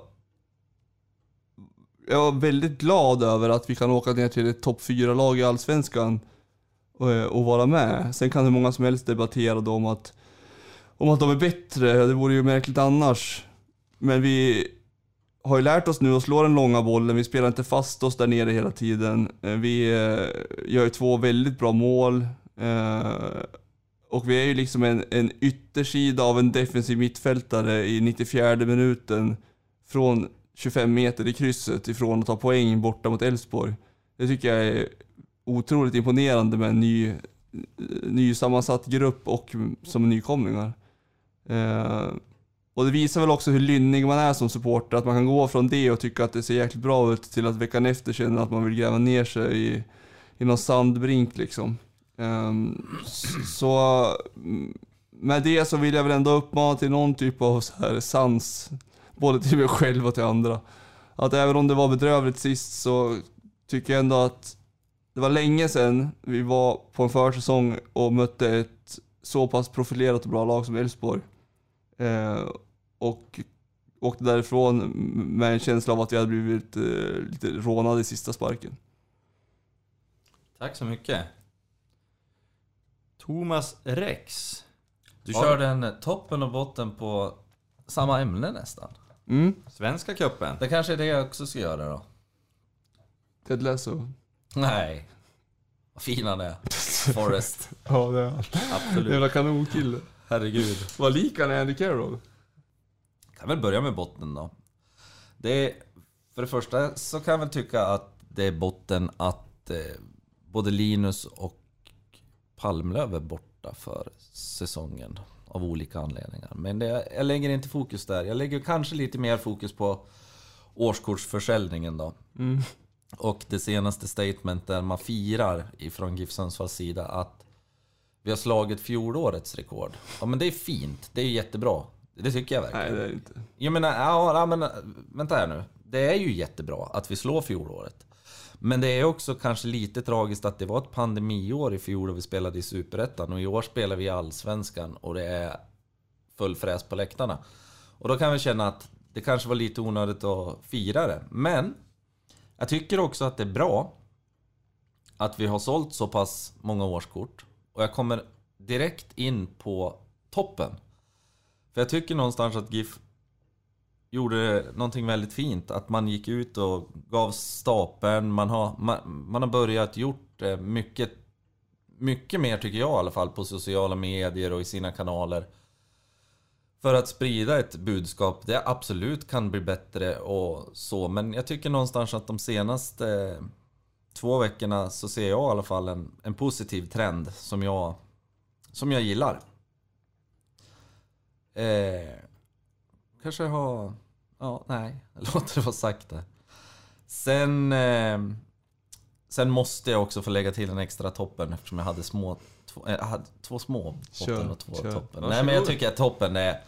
Om man ser på sociala medier i, från patronerna och allt. Alla GIF-spelare och eh, ledare som löser dubbelt medlemskap och allting och visar liksom en kärlek för, för, för GIF och för supporterkulturen i Sundsvall. Jag tycker det är hedersamt. Oj, jag började inte gråta, jag satte något i halsen. Man får gråta. Ja, det är...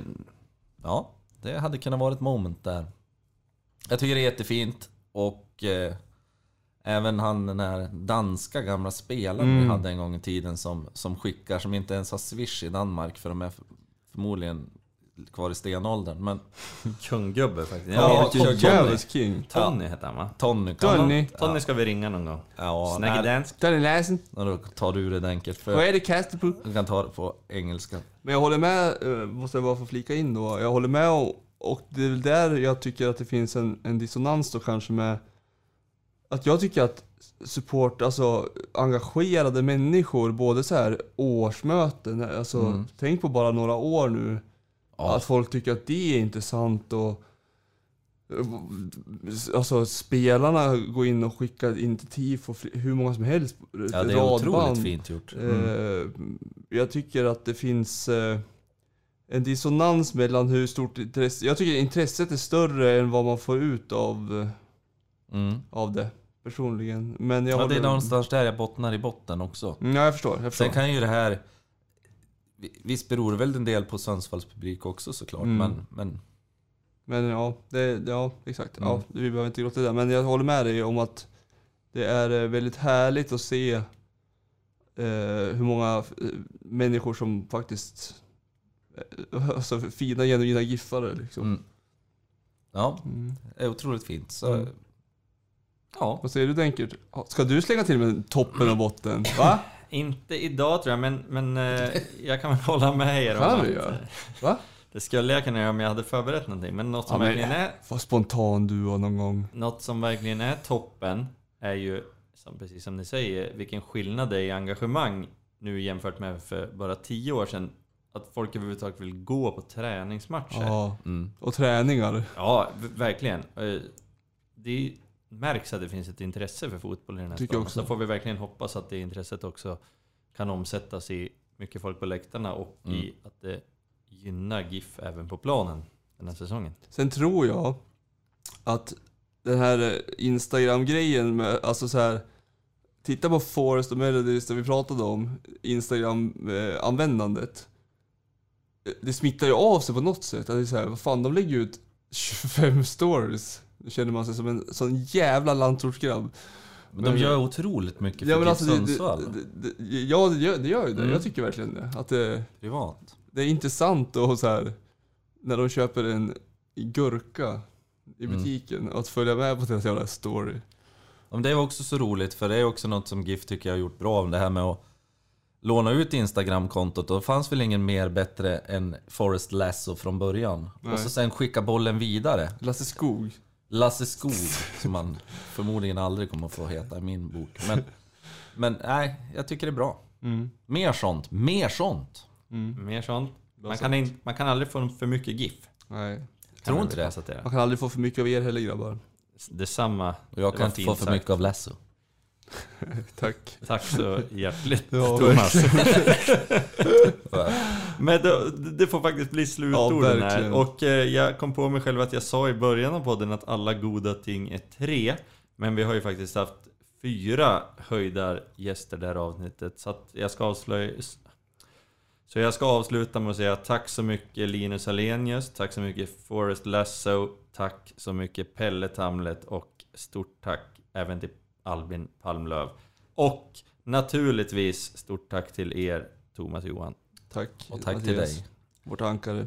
Mm. Vi ska avsluta det här avsnittet med en hyllning återigen till Forrest Lassos hemstat North Carolina. Och det gör vi genom att spela The Connells gamla dänga 74-75. Go, go Giffers! Go, go.